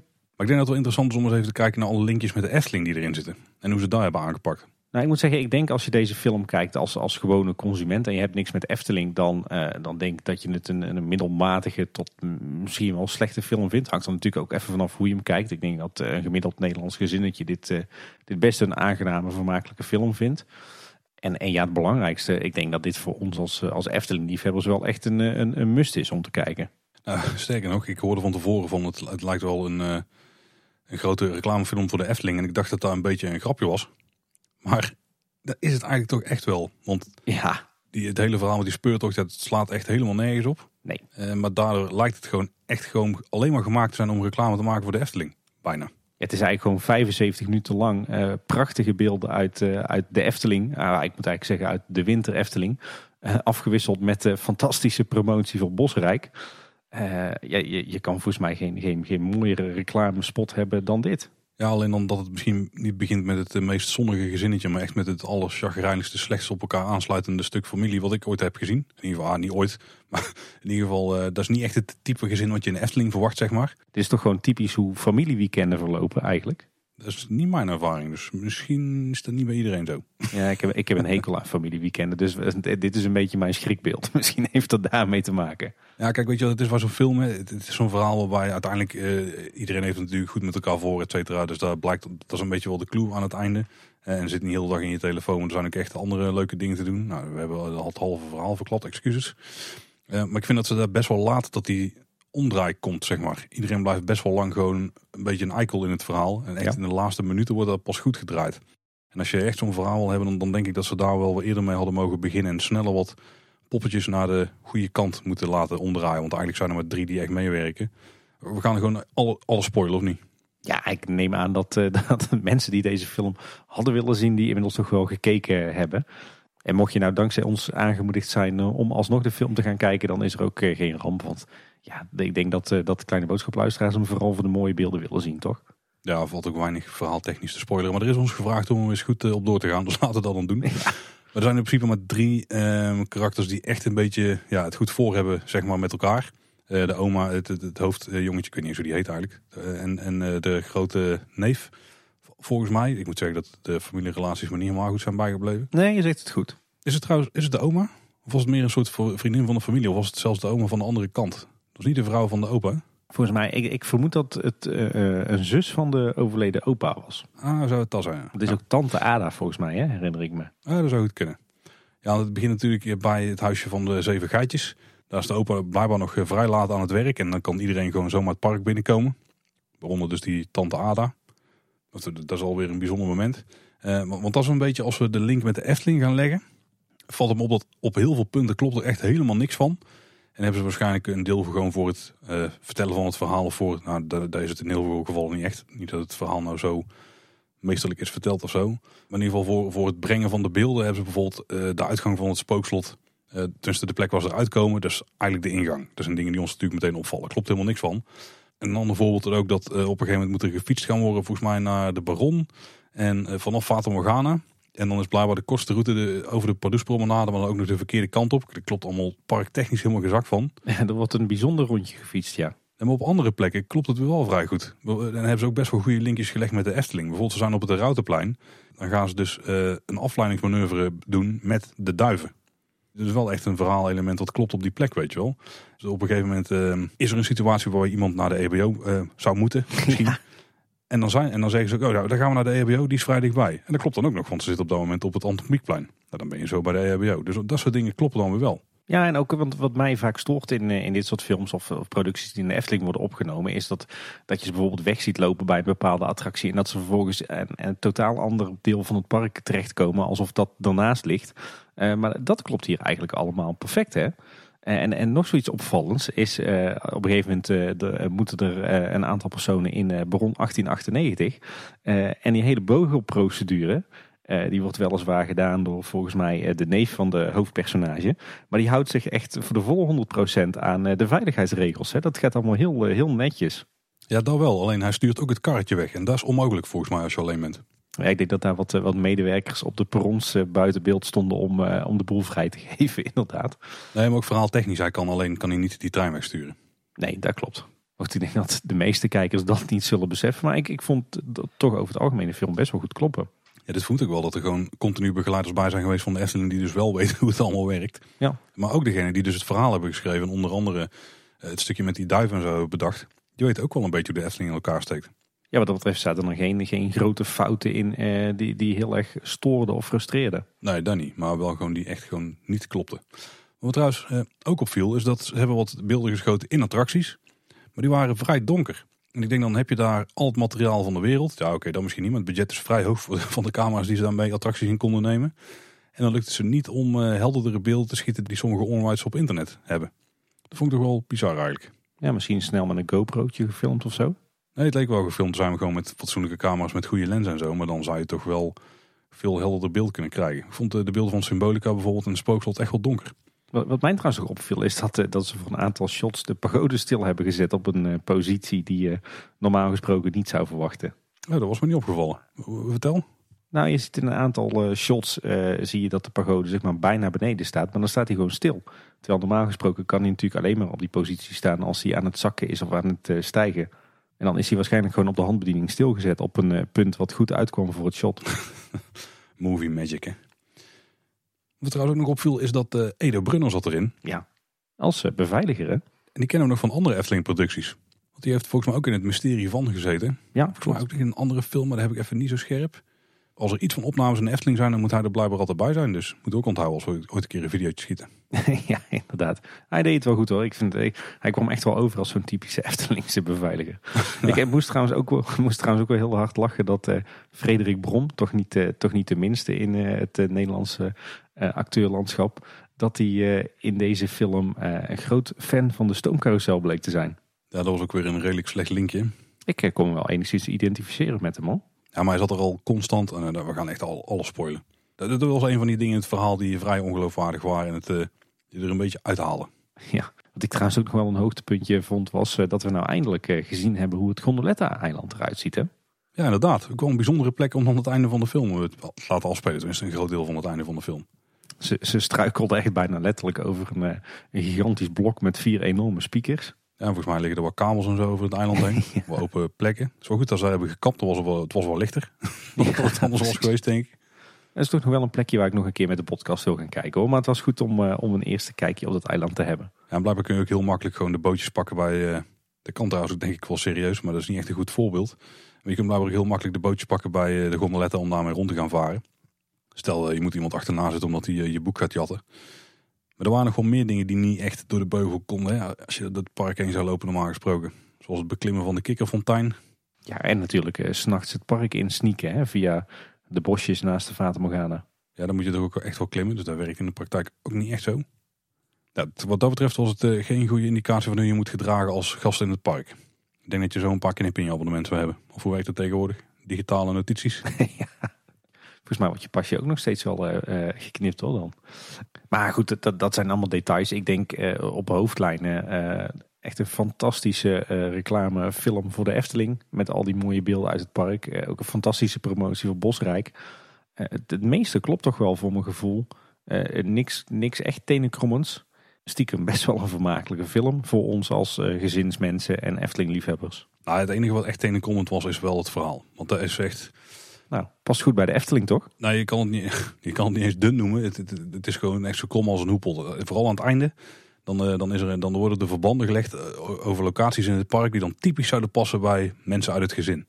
Nou, echt serieus hoe ze daarbij komen. Ik, ik die verbanden die zijn die liggen zo ver uit elkaar als Parijs en Tokio, zeg maar. Daar slaat echt helemaal nergens op. Ik, ik denk dat jij de film serieuzer hebt zitten kijken dan ik. ik heb uh, vooral gewoon zitten genieten van de beelden. Ik zat ook wel stiekem een beetje te zoeken naar waar het fout ging. Ja, je hebt gewoon met een kladblokje die film zitten kijken. Ik heb wel hier wat notities voor mijn neus, ja. Kijk. Maar je hebt gelijk, als je dit met je, gezin, met je gezin kijkt, het is een prima vermakelijke film. En als je hem kijkt voor de beelden van de Efteling, dan uh, ga je ook zeker wel van maken. Ja, ik denk dat, dat iedere Efteling-liefhebber uh, dit, dit wel leuk vindt, toch? Ik denk het wel, ja. Een must-see? Nee, dan niet. En als je hem echt voor een leuke prijs uh, op de kop kunt tikken, dan is het wel de moeite, denk ik. Nou, wat mij betreft is het wel een must-see. Als je een beetje Efteling-liefhebber bent en uh, die zeldzame keer dat er een keer een, uh, een film in de Efteling wordt opgenomen. En dat dat dan ook nog eens de hele film de locatie is. Ja, dat, dat moet je toch gezien hebben als Efteling-liefhebber, lijkt mij. Ja, en dan door naar een project wat de Efteling is gestart in samenwerking met BioVoice. de Efteling wil namelijk Hollebolle Gijs gaan verduurzamen. Ja, en het doel daarvan is om uiteindelijk alle gijzen, dus alle Hollebolle gijzen in de Efteling, automatisch petflesjes en blikjes te laten herkennen en ze apart in te zamelen. Zonder dat, dat de bezoeker zelf daar dus een keuze voor hoeft te maken. Ja, ze willen dus een afvalschade gaan ontwikkelen aan de achterzijde van Hollebolle Gijs. Dus je kan gewoon in uh, Hollebolle Gijs gooien wat je maar wil. Dus flesjes, papier, andere rotzooi. En, en dan gaat het systeem erachter gaat uitzoeken wat waar opgeslagen moet worden. Dus eigenlijk het een zeer geavanceerde versie van die flesjescanner die we in het park hadden. Maar die zijn natuurlijk een beetje clunky, want dan moet je gewoon een fles erin doen. Moet je een klepje dicht doen. Die fles moet ook op een bepaalde manier liggen, anders kan het niet gescand worden, et cetera. Eh, maar dit gaat zou het dan allemaal automatisch moeten doen. Maar het punt is, dat systeem dat bestaat nog niet. Nee, inderdaad. En daarom heeft de Efteling dus voor gekozen om eh, dat niet zelf te ontwikkelen, maar om samen te werken met eh, BioVoice. Je had, had het er al over. Dat is een innovatieprogramma. en ze hebben ook een mooie video online gezet. daar zullen we ook even naar linken in de show notes. dat is een interview met Linda Hofmans. Zij is category manager bij eh, de horeca van de Efteling. En eh, onder andere verantwoordelijk voor de inzameling van de statiegeldverpakkingen. En we hadden het uh, tijdens een vorige nieuwsaflevering er al over dat, uh, dat petflesjes binnenkort uh, ook statiegeld krijgen. Maar dat er geen inleverpunten komen in principe in parken als de Efteling. En wij vrezen toen ook een beetje dat, dat er misschien een hele horde aan petflesjesverzamelaars de Efteling zou overspoelen. maar dat probleem pakken ze dus nu aan. Niet alleen in samenwerking met BioVoice trouwens, maar ook in samenwerking met Coca-Cola Europe. Waarbij de Efteling zogenaamd de launching customer wordt van de techniek. dus dat is de plek waar de oplossing die wordt verzonnen door de knappe koppen, waar die wordt uitgevoerd. maar daarna mag het ook worden uitgerold naar andere locaties in heel Europa. Dus ja, de Efteling is eigenlijk een beetje de, de, de, de testcase hè. Ja, inderdaad. En wat trouwens ook wel gezegd mag worden, we hadden het net over uh, die meneer die in de video zat van uh, Nest, dat hij het goed deed. Maar ook Linda, die is een prima presentatrice. Ja, die deed het goed inderdaad. Die vertelde het verhaal heel, uh, heel duidelijk. Ja, dat is trouwens wel interessant. De reden dat ze dit nu doen is dat, dat ze hebben gemerkt dat bezoekers van een pretpark over het algemeen niet bereid zijn om statiegeldverpakkingen te retourneren. Dus het probleem is niet alleen dat er geen inleverpunten komen in principe in, op plekken als de Efteling. Maar ook dat die bereidheid er dus niet blijkt te zijn. En dit hebben ze onderzocht volgens mij, of dit blijkt uit onderzoek in de Scandinavische parken. Als ik het door, tussen de regels doorlas. Want daar doen ze dit natuurlijk al, of daar zijn die regels al zo. En daar blijkt dus dat die bereidheid inderdaad heel laag is. Ja, ik moet zeggen dat ik ook nooit in, uh, in uh, Tivoli Gardens of in Liseberg of in een van de andere parken waar ik ben geweest met petflesjes heb teruggebracht. Uh, wat ik wel eens heb gedaan is in Tivoli Gardens zo'n harde plastic beker kopen. En die je dus de hele dag uh, tegen gereduceerd uh, tarief weer kunt vullen met, uh, met een frisdrank of, of koffie. Dat, dat werkt wel. Maar inderdaad, ik heb eigenlijk mijn petflesjes daar ook altijd gewoon in de prullenbak gegooid. Uit gemak waarschijnlijk. Als je zo'n beker koopt, die gaan natuurlijk ook niet in hollebolle gijs mikken aan het eind van de dag. nee, inderdaad. Het gaat dus in eerste instantie om een pilot bij één gijs. Uiteraard, want het systeem moet zichzelf nog wel bewijzen, denk ik. Maar mocht het dan succesvol zijn, dan gaan ze het uitrollen naar alle gijzen. Ja, en volgens mij is de geeuwende gijs, uh, zeg maar naast het uh, poffertje tegenover het, uh, het carouselpaleis, volgens mij is dat, dat de testlocatie. Ik kan me wel voorstellen waarom, want dat is ook een van de gijzen waar je veruit de meeste ruimte achter beschikbaar hebt. Ja. Eigenlijk wel, wel opvallend dat de Efteling dit niet, niet zelf ontwikkelt samen met Coca-Cola, maar dat ze dus echt de hulp inroepen van ja, alle uitvinders en Willy Wortels en andere knappe koppen in ons land. Hè? Ja, maar het is wel een toffe uitdaging. Ik, bedoel, ik ben geen engineer, maar ik heb er wel een beetje over nagedacht van hoe, hoe zou je dit kunnen oplossen. Want uiteindelijk gaat het over het herkennen van eh, objecten, maar ook zo heel snel scheiden op zo'n manier dat het niet kan vastlopen. Best een uitdagende engineering klus, denk ik. Nou, ik heb daar ook wel over nagedacht. Ik weet niet wat jouw eh, gedachten daarbij zijn. Ja, ik zit bijna te denken aan dat alles op een lopende bandje komt en dat je iets hebt dat het eraf duwt of zo. Of eraf blaast, eh, dat, het, dat er dan een klep open gaat naar de juiste plek. Het is vooral het punt, kijk, het, het sorteren en het herkennen en zo, kan ik me nog wel voorstellen hoe dat gaat doen. Zeker met machine learning is er best wel veel mogelijk. En je hebt uiteindelijk ook gewoon een bak van, ik weet het niet zeker. En ik keeper je daar gewoon de rest in. En dan ga je hem gewoon trainen, weet je wel, van wat wist er niet zeker. Nou, dat is dan dit object en dan moet het daarin. Nou, dat, dat stukje, dat komt er goed. Het is vooral hoe ga je iets, een systeem maken waarbij dingen dus in de juiste bakken terechtkomen zonder dat het kan vastlopen. Want zodra het vastloopt, ja, dan heb je er weer niks aan. Of dan gaat alles in de bak uh, overig. Ja. En dan ben je ook klaar, weet je wel. En daar heb ik nog niet echt een goed idee bij. Nou, volgens mij zijn die er wel als je kijkt naar bestaande technieken. Want kijk, voor de herkenning, uh, als je ervan uit kunt gaan dat mensen er uh, blikjes en petflessen gewoon heel ingooien. die hebben één voordeel, daar zit de streepjescode op. En als je nu je lege flessen inlevert bij de supermarkt, dan kun je je fles ook op alle mogelijke manieren erin rammen. Maar er zitten gewoon een paar lasertjes in en die zijn gewoon op zoek naar streepjescodes. Dus die herkenning die kan je doen op basis van uh, het lezen van de streepjescode. Ja, maar als iemand dan zijn etiketje eraf heeft gehaald. Nou ja, dat is dus, dat is dus nog een valkuil. En het scheiden, ja, wat je op, uh, in afvalverwerkingscentrales ziet, uh, is dat, er, dat je inderdaad een klein lopende bandje hebt. Maar dat ze door middel van kleine stootjes perslucht. En het voordeel is in de Efteling ligt een persluchtringleiding, dus overal heb je wel perslucht. Maar dat je dus uh, een band hebt uh, waar je bijvoorbeeld alle petflesjes naar links blaast. En alle blikjes naar rechts blaast. En de rest die laat je gewoon doorlopen richting de bak restafval. Ja, misschien zou je papier nog kunnen scheiden. Maar dan moet je die kunnen herkennen. Ja. Ja, dus dan heb je open bakken eronder liggen, zeg maar, en die vangen op. Dat, dat komt wel deels overeen. Ik had, nog, ik had nog bedacht gesloten bakken misschien, maar dat is dan helemaal niet nodig inderdaad. Nee. wat natuurlijk ook scheelt, omdat uh, Hollebolle die zuigt alles natuurlijk naar binnen. Nare luchtjes die ontsnappen dan ook niet. Dus daar moet je de bak niet per se dicht te klappen. Nee. Hm. Nou, ik denk dat we het hebben opgelost, Tim. Uh, zit er een, uh, kunnen we geld krijgen of zo nou? Volgens mij wel, ja.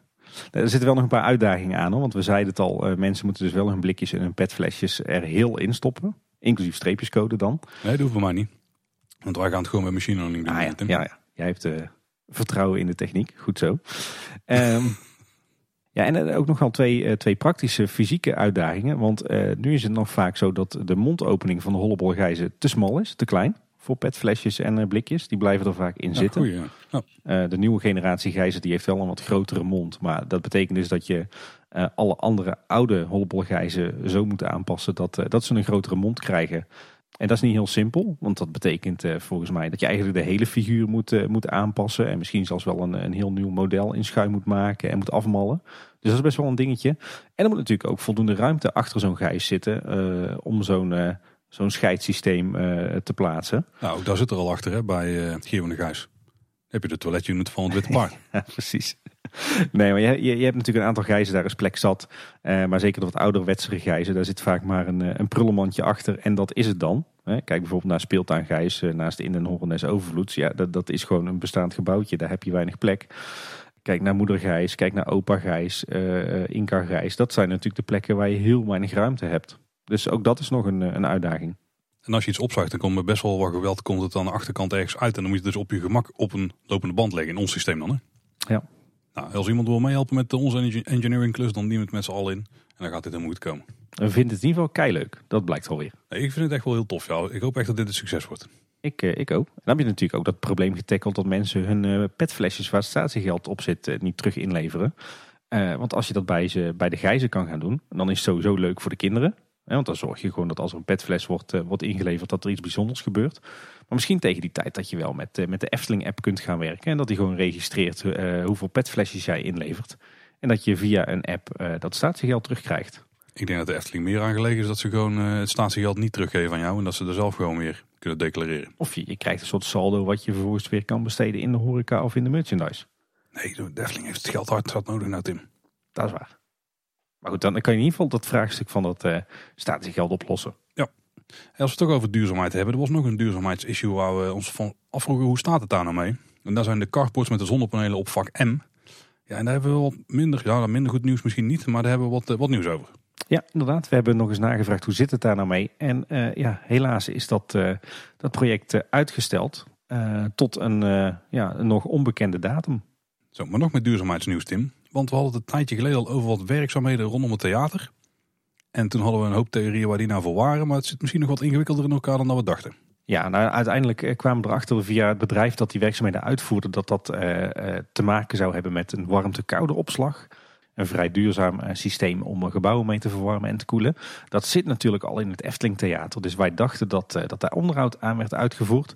Maar misschien werden er ook wel boringen gedaan voor een nieuwe ontwikkeling. Uh, want zo zagen wij vandaag in het, het burenbericht wat de Efteling heeft verstuurd aan alle omwonenden van de Efteling. Dat Efteling een vergunning heeft aangevraagd voor de aanleg van een nieuw WKO-systeem rond de Aquanura-vijver. En we weten daar nog niet heel veel van. Eh, behalve dat het, eh, het systeem dus echt gekoppeld wordt aan het water in de Aquanura vijver. En dat zo de kans op blauwalg in de, in de zomer minimaal wordt. De aanleg mag pas beginnen in 2022. En datzelfde jaar eh, moet het systeem ook operationeel zijn. maar verder hebben we nog wel wat vraagtekens. Want ik ben dus benieuwd. Is dit, een, is dit een uitbreiding van het systeem wat al in het Efteling Theater zit of niet? gaat dit ook bestaande gebouwen of nieuwe gebouwen verwarmen of koelen? Of wordt dit inderdaad gebruikt om het, het water van de Aquanura-vijver in de winter te verwarmen en in de zomer te koelen? Want nu worden natuurlijk iedere winter eh, een aantal flinke industriële gaskachels ingehuurd en opgesteld eh, op het terrein aan de achterkant van het theater om dat water maar eh, warm te stoken. Dat is natuurlijk ook niet erg duurzaam. ik weet niet of je dat kan oplossen met zo'n warmte-koude opslagsysteem, maar daar lijkt het nu wel op. Dat is eigenlijk best ook wel een goede oplossing, ja. Dat zou het best kunnen zijn, ja. ja want dan heb je dus een hele energiezuinige en duurzame manier om die Aquanura-vijver warm te houden in de winter en koel te houden in de zomer. Ja, nou wie weet. Ik ben heel benieuwd. ik dacht eerst misschien als een Bekkera Krumel erop aansluiten, alleen het systeem nog niet klaar voor als die open moet gaan. Nee, en, dat is, eh, qua, en die afstand is denk ik ook uh, te, te groot hoor. Ja, het zou rondom de Aquanura vijver moeten plaatsvinden. Dus het zou ook gewoon langs het pad kunnen. Lijkt me niet de allerbeste plek om uh, putten te boren, maar in theorie zou het kunnen. Ja. Onder de vlonders of zo. Nou, allemaal vergezocht misschien.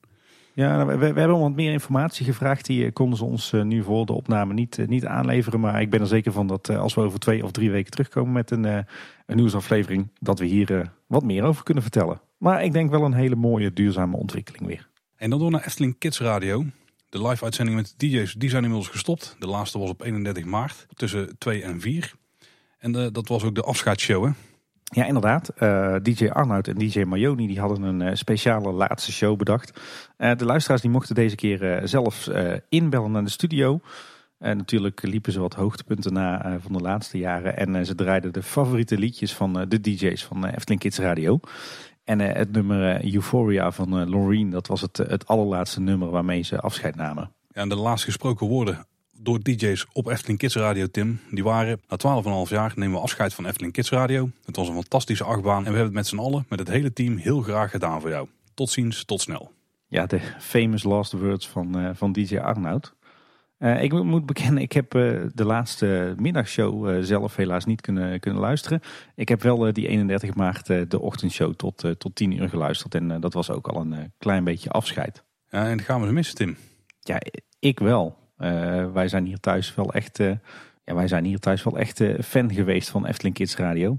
zeker natuurlijk sinds ik, sinds ik zelf twee kinderen had, was dat altijd ja, heerlijk op de achtergrond als je thuis zat met de kinderen. Zeker natuurlijk op de papadagen en tijdens de, de lockdown toen de scholen en de kinderopvang dicht waren. nog veel vaker. Dus ja, hier heeft heel vaak Efteling Kids Radio gedraaid. En ja, zowel de kinderen als ik eh, konden er altijd met eh, heel veel plezier naar luisteren. Dus eh, ik ga dat zeker missen. Maar goed, ik heb al vaker gezegd dat ik het een hele rare beslissing vind. En, en vooral heel erg zonde dat, ze, dat de Efteling zo dit prachtige product ja, de nek omdraait eigenlijk, toch? Ja. Ik, ik, ik ga ze zelf iets minder missen, maar dat is vooral omdat ik er nooit echt in ben gekomen. Ik heb de laatste maanden wel wat, een paar keer opgezet, ook met de kinderen in de auto naar school en zo. En dan word ik wel omgevraagd van uh, papa Efteling Kids Radio. Um, ik weet ook niet of hun echt die binding met DJ's hebben gekregen. Ik denk dat het vooral om de muziek gaat. Dus wat dat betreft nou, gaan wij het niet echt missen, denk ik. Maar toch wel zonde voor de Efteling. Ja. En, en zou het nou zo'n grote kostenpost zijn geweest? Ja, dat zal een vraag blijven voor ons, denk ik. Ja. Maar of we ze echt moeten missen, is ook nog maar de vraag. Hè? Ja, het leek er heel lang op dat de, de twee uh, hoofd-DJ's, om het zo maar te zeggen, DJ Mayoni en DJ Arnoud, die allebei ook gewoon een contract bij de Efteling hadden, dat die bij de Efteling zouden blijven, uh, terwijl Efteling Kids Radio zelf zou stoppen met uh, de gepresenteerde shows. maar eigenlijk een paar dagen voor, voor de laatste show veranderde dat.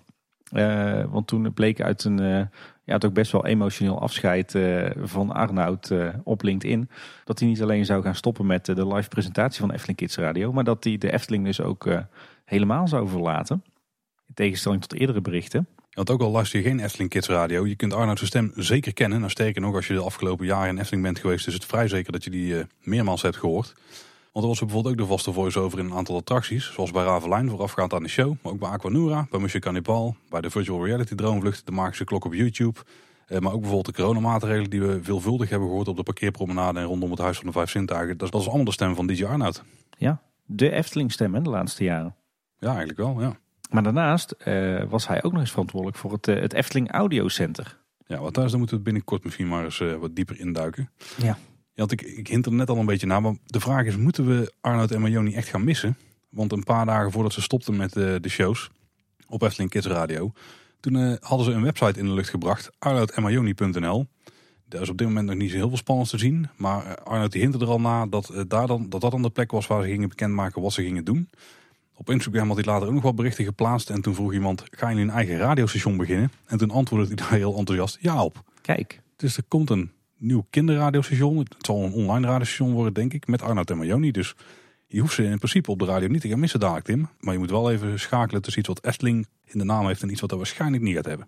Nee, ik denk dat het dan een lastige keuze wordt of we dan toch naar uh, het nieuwe Efteling Kids Radio gaan luisteren of naar het radiostation van uh, Arnoud en Marjoni. Uh, maar we gaan het gewoon allebei uit, uitproberen dan, denk ik. Nee, dus als je net als ik Efteling Kids Radio gaat missen, hou dan zeker even Arnoud en Marjoni.nl in de gaten. Ja, en mocht je daar nou echt meer over willen weten, dan moet je denk ik ook onze toekomstige afleveringen een beetje in de gaten gaan houden. Ja, we zijn wel druk bezig met iets leuks, eh, inderdaad. En hoe zit het met het nieuwe Efteling Kids Radio, Tim? Want vanaf 1 april is dus in principe Efteling Kids Radio nieuwe stijl. Zonder DJ's. Merk je deze van? Buiten dan dat je geen DJ's meer hoort natuurlijk. Ja, ja zeker. Ja, ik heb bewust uh, natuurlijk ook voor deze podcast uh, best wel lang geluisterd. Uh, ja, een aantal verschillen. Nou ja, je hoort natuurlijk alleen nog maar muziek. En één keer per uur wordt er eh, een sprookje voorgelezen. Maar verder is het alleen maar muziek. Playlist die eh, kwam er wel heel erg bekend voor. Ik heb het idee dat ze gewoon de oude playlists hebben gepakt. Eh, die ze voorheen altijd draaiden op Efteling Kids Radio. voordat er DJ's waren of als er even geen DJ's waren. dus zeg maar meer een beetje een derde Efteling muziek en Efteling gerelateerde muziek. een derde kindermuziek en een derde uh, voor kinderen vrij toegankelijke volwassen muziek. Uh, alhoewel, er zit nu wel iets meer muziek bij voor de allerkleinste. Dat hoorde je voorheen niet, uh, niet op Efteling Kids Radio, nu wel. dus dat hebben ze wel aangepast. Ze hebben ook volledig nieuwe audiovormgeving. Dus je hoort de stemmen van DJ's van Efteling Kids Radio ook niet meer. en wat ik opvallend vond was de kreet... kom alles te weten over de Efteling ja, voor mijn gevoel refereert dat er een beetje aan dat je dan toch uh, ja, uh, nieuws over de Efteling op Efteling Kids Radio zou gaan krijgen. Of uh, een blik achter de schermen of uitleg of, of weet ik het. Maar ja, dat hoor je nu dus nog niet. Het, het is alleen maar muziek. Ja, waarmee je dus eigenlijk een soort van, ja, je zou het bijna een, een je eigen Spotify playlist kunnen noemen, is, is geworden. Ik ben nog wel benieuwd eigenlijk wie daar dan voor verantwoordelijk is. Want iemand moet die natuurlijk bijhouden. En ik had dan verwacht dat Arnoud het zou gaan doen. Maar ja, die gaat nu weg bij de Efteling. Dus wordt dit ooit nog bijgewerkt? Of is het als Olaf Fuchs nog even wat tijd vindt dat hij nog wel nieuwtjes erbij sleept of zo? Ik heb geen idee hoe dit gaat. Ja, de, de, de playlist voelde wel heel erg verouderd, toch? Volgens mij was het dezelfde playlist die ze een jaar en twee jaar geleden ook al gebruikten. Uh, uh, vooral heel erg de, de, de oudere geëikte kinderliedjes. Dus ik heb het idee dat daar ook niet heel veel in wordt geïnvesteerd hoor. En ik heb eerlijk gezegd ook wel mijn vraagtekens bij de toekomst van Efteling Kids Radio in, in algemene zin. Nu ze gestopt zijn met, met de DJ's. Want ja, de, de, toegevoegde waarde hiervan is natuurlijk uh, niet heel. Kijk, zo'n zo'n playlistje kunnen we allemaal maken op uh, Spotify uh, en op, op YouTube. ik denk zelfs als je mijn YouTube nu openklikt op mijn telefoon, dat je zo ongeveer hetzelfde lijstje hebt als, als wat nu de playlist is op Efteling Kids Radio dus, dus ja, ik, ik zou bijna denken dat dit een, een sterfhuisconstructie is. En als op een gegeven moment hun, eh, hun uitzendrechten op, uh, op de kabel aflopen, dat ze dat dan ook niet meer, uh, niet meer verlengen. Want ja, de, de marketingwaarde hiervan is ook, ook heel weinig hoor. Kijk, met, met, met die DJ's uh, bleef je echt aangehaakt hè, bij Efteling Kids Radio. En daarmee ook bij de Efteling. iedere dag ging het erover wat er in het park gebeurde. Het, het, nieuws. Uh, er werd echt een band opgebouwd tussen de DJ's en de luisteraars, waardoor mensen bleven luisteren en ja, bij dat Efteling product en het merk uh, betrokken bleven. Ja, en dat heb je nu gewoon totaal niet meer. Het is dat het radiostation zo nog heet. Ehm, maar dat is het dan ook. Dus in die zin is denk ik de, de marketingwaarde ook, ook sterk afgenomen nu voor de Efteling. Dus het zou me niks verbazen als ze uh, binnen nu en een jaar aankondigen dat ze gewoon überhaupt helemaal gaan stoppen met dit, dit radiostation. En ja, eerlijk gezegd missen we daar dan ook niet heel veel meer aan hoor. Wederom de spijker op de kop, denk Tim. Ja, laten we, laten we proberen of we binnenkort uh, eens wat uitgebreider kunnen gaan terugblikken op, op al die mooie jaren Efteling Kids Radio. Hey, Arnold en Mione die zijn weg bij de Efteling, maar er zijn nog meer organisatieontwikkelingen binnen de Efteling. Het valt ons op en misschien is dit omdat we er nou heel erg op letten hoor, vanwege de coronacrisis en, en de situatie financieel rondom de Efteling en zo. Maar lijkt het ook opvallend veel mensen weg te gaan bij het park. Ja, inderdaad. We, we, horen heel veel geruchten. En we zien natuurlijk ook op eh, LinkedIn het, uh, het nodige. Uh, de laatste weken heel veel mensen weg. bijvoorbeeld bij communicatie zijn er mensen weg. Bij de ICT-afdeling zijn er mensen weg. Bij engineering. ik zag dat de business unit manager van het golfpark nu ook weg is. Um, dus het, het, het, lijkt haast wel of er een klein beetje een leegloop bezig is bij de Efteling. Met name in kantoorfuncties. En ja, de Efteling heeft gezegd dat ze niet doen aan gedwongen ontslagen. En je zou bijna denken dat dat wel is wat er gebeurt nu op de achtergrond. Ja, of misschien toch heel veel mensen die, eh, die nu eieren voor hun geld kiezen. En die denken we gaan toch maar voor een, eh, een andere werkgever werken. Uh, waar ik meer baanzekerheid heb en waar het ondanks de coronacrisis allemaal nog goed gaat. Ja, kijk, misschien nogmaals valt het ons nu op omdat we er nu heel erg op letten. Maar er is natuurlijk altijd te verlopen in een bedrijf waar 3000 mensen werken. Ja, maar we horen langs alle kanten toch wel dat er nu al heel veel goede mensen weggaan hoor. Ik, ik zag trouwens dat, uh, dat uh, de, de manager van de ICT uh, ook weg is bij de Efteling, Paul. Is dat niks voor jou als whiskit? Zo, nou op dit moment heb ik het druk zat met andere zaken. Niet het moment dat, dat er heel veel zin heeft om dat te gaan doen in plaats van wat ik nu doe. Maar ze kunnen je bellen, of dat niet? Nee, dat heeft weinig zin. Ja, als ze advies nodig hebben of zo. Maar dan mogen ze ook maar een kwartiertje tijd. of ze moeten gewoon hier naar luisteren. Daar geven we zat advies volgens mij. Hoe slecht het ook is af en toe. En er is ook een nieuwe afdeling opgericht. Wel met een hoop mensen die al bij het park zaten. Maar er is een nieuwe afdeling, dus project support. Onderdeel van een nieuwe divisie, project en ontwerp. Dus is toch een iets betere naam, Tim, dan? Dan eh, creatie, commer nee, commercie, creatie en ontwikkeling. Ja, de tongbreker, mooi. Ja. Dat, dat jij uit je hoofd weet je. Project en ontwerp, dat kan ik ook nog wel onthouden, denk ik. Ja, ja het is wel een beetje een vaag verhaal. Want dit is geen, eh, geen officiële publicatie van de Efteling geweest. Het is iets wat we voorbij zien komen op allerlei LinkedIn-profielen en zo. En, en ik heb een beetje een organogram fetish, denk ik. Uh, dus ik vind het dan hartstikke leuk als er wordt geschoven tussen afdelingen. Uh, we hoorden natuurlijk in, in eerdere interviews al dat er een, eh, een hele hechte band is tussen, tussen voorheen drie afdelingen. Ontwerp, projecten en engineering. En het lijkt er nu op dat er een vierde afdeling aan wordt toegevoegd. projectsupport, jij zei het al. Uh, teamlead daarvan is trouwens uh, Jaap den Bleker geworden. Uh, voorheen ontwerpcoördinator. Je hoorde hem ook in, in de vorige aflevering over lichtontwerp. Maar hij is dus teamlead geworden, oftewel het hoofd van deze nieuwe afdeling. En we hebben een beetje proberen uit te zoeken wat die afdeling nu gaat doen. maar zij krijgen een belangrijke rol in de projectafdeling voor nieuwbouw- en renovatieprojecten in de Efteling. ze gaan de esthetische en technische ontwerpcoördinatie doen, kostencalculatie, projectcoördinatie, bouwmanagement en uitvoering. En opvallend is dat uh, de ontwerpcoördinatoren, uh, die eerder uh, bij de afdeling ontwerp zaten, die zijn nu overgegaan naar deze nieuwe afdeling, naar Project Support. en die heten voortaan allemaal coördinator integraal ontwerp. Oké. En ik vroeg me even af of deze afdeling, de oude afdeling engineering, gaat, gaat vervangen. maar dat is niet zo. Volgens mij blijft engineering gewoon bestaan.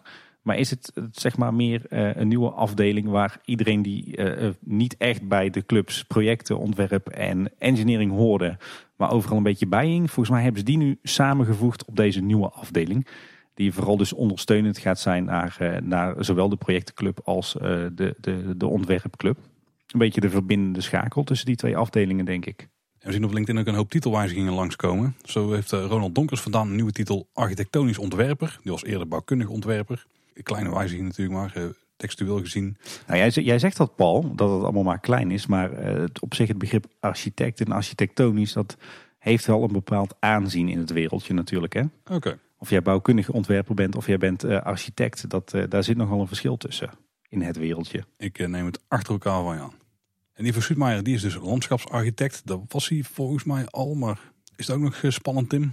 Ook weer architect in de naam nou ja, nee, volgens mij was hij voorheen altijd beleidsmanager landschap en natuur of zo. En nu mag hij zich echt weer landschapsarchitect noemen, wat hij van huis uit ook is. Ik denk eerlijk gezegd dat dit gewoon promoties zijn. Oké. Misschien ook wel een manier om goede mensen binnen te houden. Ja, kan goed. Nou, we hebben trouwens ook nog Erik Breukels en Stan Dingemans, die het ook bij die kon horen in de vorige aflevering. En die zijn nu allebei engineer showtechniek. Misschien hebben ze ook wel gewoon een paar titels uh, wat rechtgetrokken of de functieprofielen weer eens een keer aangescherpt of zo. Dat denk ik ja. Dus, dus aan de ene kant uh, veel mensen weg bij de Efteling, maar aan de andere kant dus ook reorganisatie, nieuwe afdelingen, promoties. ze zijn volop bezig op het gebied van personeel en organisatie bij de Efteling momenteel. Als je nou trouwens LinkedIn gaat afsporen naar al die mensen die in die project support afdeling zitten, dan moet je maar eens goed letten op al de profielfoto's van die mensen. Misschien herken je dan ook de hand in van een, ja, een fotograaf waar wij wel linkjes mee hebben. En als we het dan toch hebben over, over opvallende dingen op het gebied van uh, personeel en organisatie. Het is natuurlijk heel lang zo geweest dat de Efteling geen vacatures meer had. alles werd of niet ingevuld of intern ingevuld. recent kwam de ontwikkeling dat ze ineens oproepkrachten zochten voor het komende seizoen. Dat, dat waren allemaal nul uren contracten. Dus ja, dan wist je eigenlijk niet waar je aan, aan toe was. Maar de afgelopen twee weken zijn er ineens een berg vacatures bijgekomen die gewoon volwaardige contracturen hebben. Dus ze zoeken ineens weer, weer volop mensen bij de Efteling, gek genoeg. Zoals een operationeel teamlid entree voor 38 uur. Een allround medewerker beveiliging voor 38 uur. Een medewerker bij de EHBO. Senior medewerkers horeca, hotels en resorts. Daar gaat om diverse pakketjes met uren. Senior gastheer gastvrouw front office hotels en resorts voor 32 uur. Floor manager horeca voor 28 uur. Een, een operationeel teamlead horeca voor 38 uur. En een teamlead restaurant Loonse Land voor 32 uur. Ja. Ik moet zeggen trouwens, die 38 uur pakketjes, die zie ik niet heel vaak op vacatures staan. Bij de Efteling of in algemene zin? In algemene zin, ja bij de Efteling hou ik het niet zo heel erg in de gaten. Maar... Nee, ja, inderdaad. In, in mijn wereldje is het tegenwoordig 32 eh, tot 36 uur een beetje standaard. Maar misschien komt het omdat ik een luie ambtenaar ben. Ja, 40 uur. Hè. Dat, is, dat is dan de standaard fulltime werkweek bij heel veel bedrijven. Maar... Ja, volgens mij zit hier ATV bij. Dan werk je 40 uur in de week en dan bouw je twee extra vakantieuren op. Precies, precies. Hey, en ook nog een aantal nieuwe meewerkstages, eh, onder meer bij beveiliging en hulpverlening, bij de gastenservice en uh, op HR. Ja, en dan door naar het gevreesde onderwerp, wat toch wel een soort van uh, lichtgevend randje aan zit dit keer, Tim. Want dat is de coronacrisis. Ja, zoals ze bij Efteling on Ice ooit zongen. There's a light at the end of the tunnel. Ja, en we zien nu toch wel iets van een lichtje. Al is het nog maar de vraag hoe definitief het is. Maar het, het, eerste. We hebben het in de opening al gezegd. De Efteling die gaat in ieder geval voor één dag weer open. 24 april als een Field Lab Pilot. Ja, voor mij toch wel het, het, het grote nieuws van deze afgelopen twee weken en van deze nieuwsaflevering. En op dat moment zijn er 8000 bezoekers welkom. De Efteling heeft zelf al gecommuniceerd dat er geen tickets te koop zijn. Maar dat ze uh, abonnementhouders, dus de de trouwe gasten en verblijfsgasten die op dat moment verblijven in de wereld van de Efteling, dat ze die gaan uitnodigen. binnenkort kun je interesse kenbaar maken. Misschien is er al meer duidelijk als deze aflevering uit is, dus houd dat zeker zelf even in de gaten. En als je aanmeldt, dan moet je akkoord gaan met de voorwaarden. En dat is onder andere dat je alleen maar toegang krijgt eh, tot die pilot als je een negatieve coronatest kan aantonen die maximaal 24 uur oud is. Dat is ook bij andere, uh, andere evenementen is het volgens mij 32 uur oud. Dus uh, precies zit, dat weet ik niet. Wat we wel hebben gezien is dat 24 april inmiddels geblokt is op de boekingskalender van Efteling.com. En als je reserveringen had voor die dag, dan zouden die inmiddels geannuleerd moeten zijn. Ja, inderdaad. Ze hebben die dag uh, zijn ze helemaal aan het vrijspelen. Uh, het is overigens zo dat we schijnbaar als abonnementhouders allemaal uitgenodigd worden binnenkort. Dus we krijgen daar een mailtje van, uh, van de Efteling op een nog nader te bepalen moment. En, en via een link in die mail kan je dus aanmelden als geïnteresseerde. En in een interview met, met Fons op de blog lezen we ook nog dat, dat het voor de Efteling in ieder geval vanzelfsprekend is dat ze voor deze ene pilot de meest trouwe bezoekers als eerste uitnodigen. Aangezien wij toch loyaal aan de Efteling zijn gebleven tijdens de sluiting en natuurlijk gewoon allemaal netjes ons abonnementsgeld hebben betaald. Fons die voegt er nog wel aan toe dat het helaas zo is dat ze natuurlijk niet iedereen kunnen ontvangen op die 24 april. Hopelijk duurt het daarna niet lang meer voordat de Efteling echt kan heropenen. En dit onderzoek, dus die Field Lab Pilot, die draagt daar hopelijk aan bij. Ben jij trouwens van plan, Paul, om je aan te melden voor die 24 april? Ja, ik moet eerst de voorwaarden even zien, want ik heb zelf wel interesse. Alleen ik weet niet of dat ik per se bij de kinderen dat ik die een test wil laten afnemen om hier aan mee te doen, zeg maar. Zelf zou ik dat niet erg vinden. Maar ik weet niet of dat de kinderen te moeite vinden. Ja, ja dat, dat snap ik. Dat snap ik. Wij, Anne en ik keken elkaar aan toen dit dit nieuws naar buiten kwam. En wij zeiden meteen, wij gaan hier zeker aan meedoen. Of althans aan proberen mee te doen. Ik heb voor mezelf zoiets van, het maakt niet uit hoeveel stokjes van hoe lang ze hoe diep in welk gat steken. als, als ik 24 april eindelijk weer naar de Efteling kan, dan, dan heb ik dat er zeker voor over.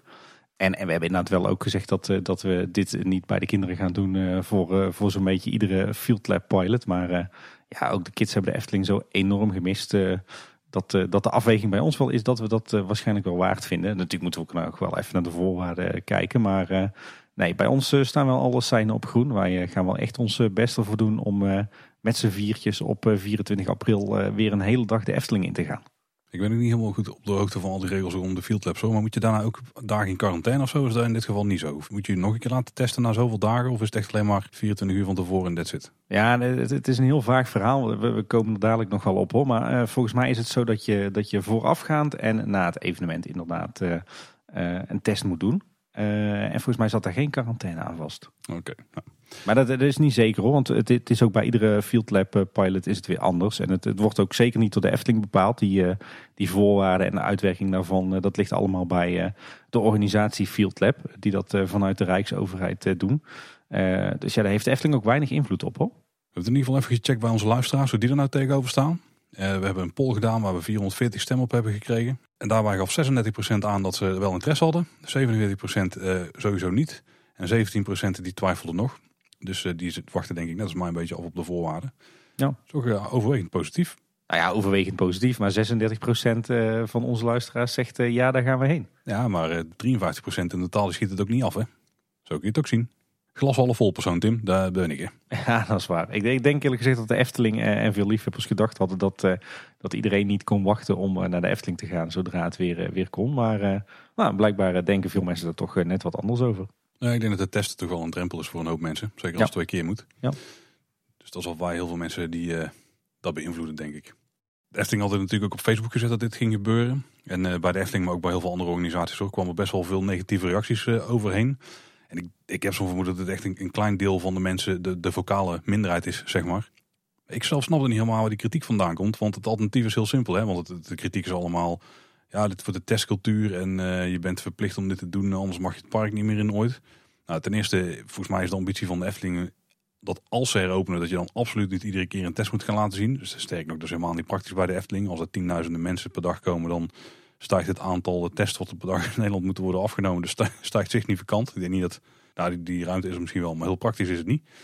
En ook sowieso zo'n GGD-test heb je niet zo heel veel aan om die te laten of om die aan te tonen. Maar allemaal details, vergeet even als, als, dit, als ze dit niet zouden doen, die test op 24 april, dan was de Efteling gewoon helemaal niet op 24 april open geweest. Hè?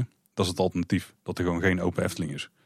Dus ja, als je er niet aan mee wil doen is prima. Maar uh, dit is echt niet het begin van een of andere dictatuur of zo. Dan moet je toch echt even de geschiedenisboeken nog eens een keer goed induiken. Ja. Dat heeft er echt compleet helemaal niks mee te maken. Nee, maar ik snap het wel. Het is ook hele lastige materie en er is toch heel veel onduidelijk. En, en ik heb ook allerlei vragen, maar wel even goed om te melden. Dit gaat dus om een eenmalig experiment niet georganiseerd door de Efteling, maar georganiseerd vanuit uh, Field Labs. Uh, wat, wat, wat, verbonden is aan, aan de Rijksoverheid. En het is echt een experiment. En dit is hoogstwaarschijnlijk niet de manier waarop straks de Efteling en andere parken gaan heropenen. Efteling heeft vandaag ook aangegeven, als wij weer echt open gaan, dan hopen we dat te doen op dezelfde manier als vorig jaar. Dus wel met een verplichte reservering en met anderhalve meter afstand en, en een mondkapje zolang dat nog nodig is. Maar, niet eh, door middel van een vaccinatiebewijs of, eh, of, of testen. Eh, dat geldt alleen voor dit ene experiment. Dus die 24 april, dat moet je echt zien als een apart evenement tussen aanhalingstekens.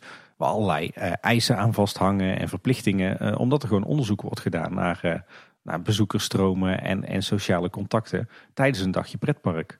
Dus dat moet je echt loszien. Dat is zeker niet de toekomst van de, de Efteling de komende maanden, jaren. Exact, ja. Dus laten we daar verder ook niet al te veel woorden meer aan vuil maken. Nee. Iets anders wat trouwens wat verwarring over was, ook wel begrijpelijk, is deze Field Lab Pilot. Hè, die, die nu dus is toegekend aan de Efteling. Uh, de Beekse Bergen en Toverland hadden daar trouwens ook uh, interesse voor, maar die, uh, die hebben ernaast gegrepen. Maar naast zo'n Field Lab Pilot zien we ook dat, dat deze maand best wel een flink aantal leisure locaties mogen heropenen. en dat is weer een ander soort test. Want daarbij is het zo dat bezoekers toegang krijgen naar een negatieve sneltest. En daaraan doet best wel een, eh, flink rijtje uh, met bekende namen uit de leeswereld mee. Uh, dan kan je denken aan Artis en Blijdorp en Ouwehands Dierenpark. Uh, maar ook Toverland. En dan eigenlijk alleen het indoor gedeelte. Hellendoorn, Gaia Zoo en de Keukenhof. Maar ook een, een heel aantal musea, voetbalclubs en kerken. en dat is dus weer een, een, een ander soort openstelling. En wat is nou het grote verschil? Uh, bij zo'n field lab uh, is het zo dat, uh, dat er hoogstwaarschijnlijk de algemene coronamaatregelen niet gelden. Of dat je wordt, wordt opgesplitst in verschillende groepjes. en dan kan het dus best zo zijn dat je geen mondkapje op hoeft en, en geen afstand hoeft te houden. maar je moet je wel zowel aan de voor- als aan de achterkant laten testen met zo'n officiële PCR-test. Terwijl die pilots met die heropening van een groot aantal locaties, waar we het net over hadden, eh, daar gelden wel gewoon uh, alle regels zoals we die nu kennen met de mondkapjes en de anderhalve meter. En dan hoef je alleen aan de voorkant uh, door middel van een sneltest aan te tonen dat je negatief bent. En hoef je ook niet achteraf nog een keer te testen. Dus Field Lab is echt een eenmalig sociaal experiment zou je kunnen zeggen. en die andere pilot, dat is meer gewoon weer proefdraaien met het heropenen van leisurelocaties op basis van een sneltest. Oké. Maakte dat heel veel duidelijker, eh, Paul? ik heb een poging gedaan. Voor, mij wel, want ik had die vraag ook nog wel uh, half tussen de oren. Toch nog wel een paar dingen die onduidelijk zijn. Hè? De Efteling heeft het zelf ook toe. Die weten alle details ook niet. Ook omdat ze het zelf gewoon voor een deel niet voor het zeggen hebben. Want ja, waar ga je die, die test dan krijgen? Want het, het moet een sneltest zijn. Uh, hij wordt ook afgenomen op een locatie, dus niet van de GGD of zo. Je kunt niet gewoon een afspraak maken bij de teststraat.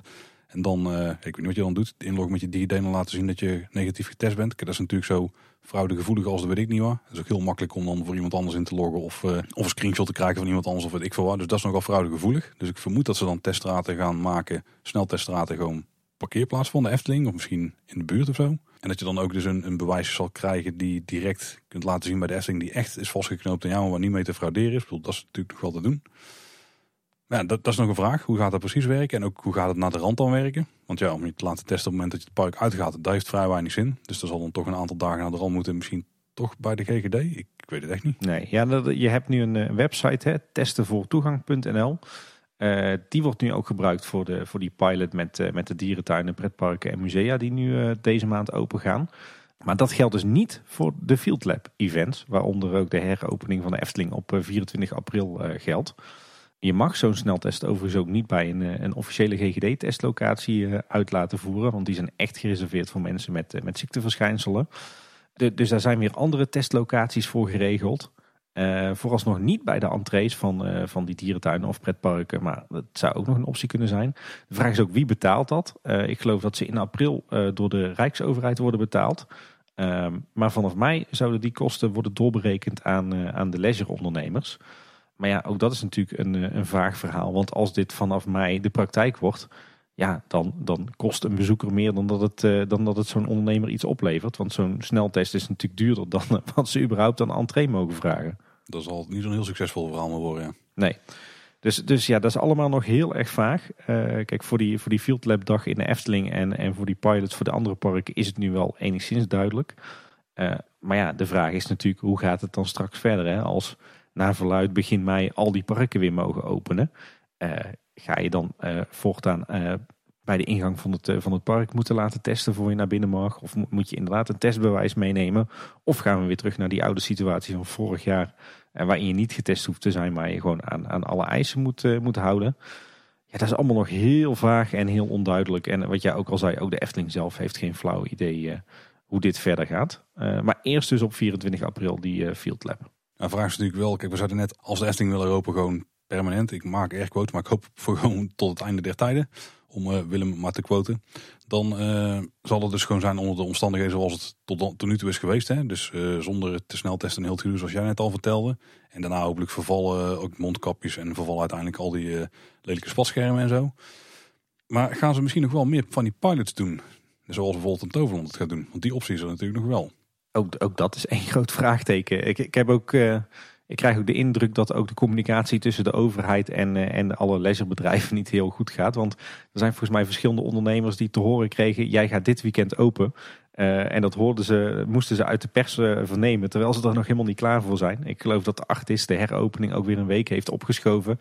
Omdat die ook zeiden van ja, wij vernemen uit de krant dat we morgen open moeten, maar we zijn er helemaal niet klaar voor. Dus ja dat, dat gaat allemaal heel raar. De parken hebben ook weinig invloed op, op wie nou meedoet aan welke test. Ze horen het later of ze, of ze moeten het uit de media vernemen. Het, het is echt een rommeltje.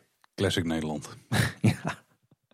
Maar als we het even positief mogen afsluiten. Er is op zich dus wel een perspectief hè, naast, naast die 24 april. Zo lijkt het erop dat er 21 april al flink wat versoepelingen ingaan. Even onder voorbehoud dat, dat de cijfers blijven zoals ze nu zijn of gunstiger worden. Want dan zouden alle buitenterrassen weer open gaan en alle winkels. En de avondklok wordt dan afgeschaft. En begin mei zouden dan onder meer de pretparken en de dierentuinen weer heropenen. Uh, in het gunstigste scenario. Dus dat is denk ik waar we nu op hopen. Begin mei de Efteling weer open. Hopelijk zoals we dat gewend zijn uit 2020. Dus met die reservering, een mondkapje en anderhalve meter afstand.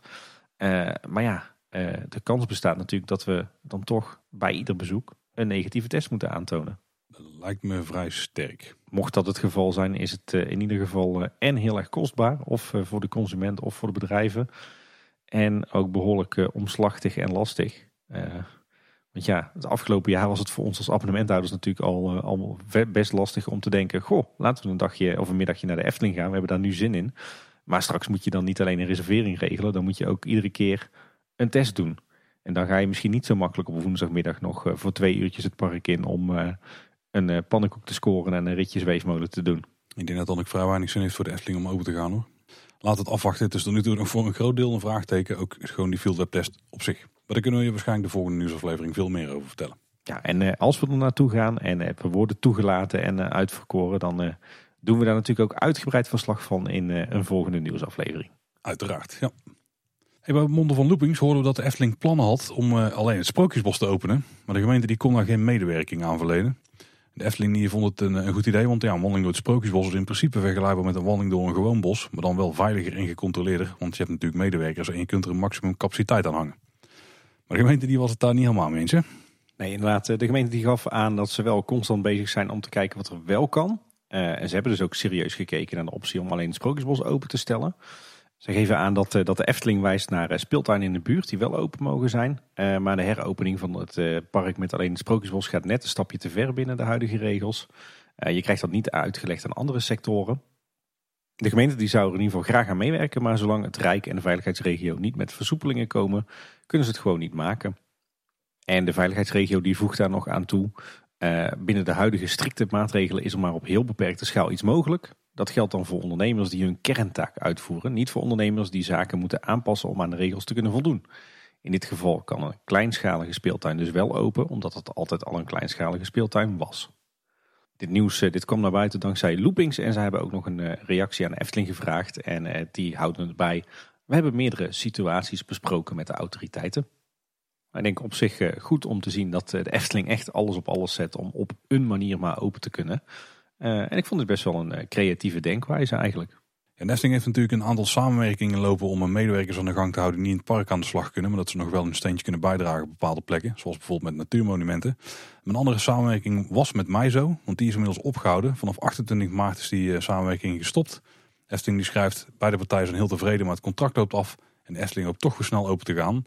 En samenwerking met Maizo was natuurlijk die samenwerking waarbij de Efteling-medewerkers meehielpen bij verzorgingsthuizen. Ja, en dan was er op uh, vrijdagavond 26 maart, uh, speciaal voor uh, de trouwe abonnementhouders, de wonderlijke Eftelingavond. we hadden het er in onze vorige nieuwsaflevering al over. En dat was eigenlijk een, een, een heel programma op YouTube met vier onderdelen. Voor alle leeftijden wel wat. Paul, heb jij gekeken? live een klein stukje van het begin. Het kwam verder niet uit om helemaal te kijken. En toen liep het nog... het liep redelijk op dat moment. Nou, laat zo zeggen, het liep. Ja. Want technisch was het een, een vrij grote blamage. het begon sowieso al veel later dan gepland was. Dus de planning die op de site stond, daar klopte helemaal niks meer van. We hadden het van tevoren samen ook al over wat gaan ze nou doen tussen al die stukjes. Want het waren heel het blok en dan was er een pauze van 10 minuten. Nou, die pauze zat er dus ook echt daadwerkelijk in. Gewoon met weer een aftelklok naar weer een moment waar er iets te doen was. Overigens zat er ook achtergrondmuziek achter die, uh, die aftelklok. Wat waarschijnlijk de reden is dat het later op de avond weer fout ging. Want op een gegeven moment viel het geluid gewoon weg. En er was een vermoeden vanwege een copyright strike op muziek. Waar de Efteling dan zelf niet de, ja, de uitgever van was. En die zat in die klokken. Dus als die klokken eruit hadden gesloopt, dan was het waarschijnlijk ook opgelost. Uh, ik heb een stukje van uh, en Jet gezien in het voorlezen van uh, Rood Kapje op dat moment.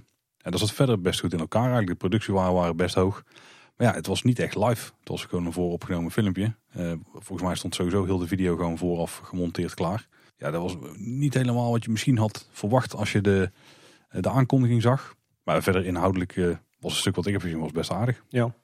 Achteraf bezien hadden ze natuurlijk beter gewoon een video online kunnen zetten op een bepaald moment. Hè. Als, een, als een première kunnen voorprogrammeren. Dan hadden ze waarschijnlijk al die problemen met de livestream niet gehad. Want er was natuurlijk verder niks lives aan. Ja. Uh, ik moet wel zeggen, de, de, de, fans die waren niet mild. Hè. Het zorgde voor behoorlijk wat, uh, wat bergen kritiek vanuit uh, de fans en de liefhebbers.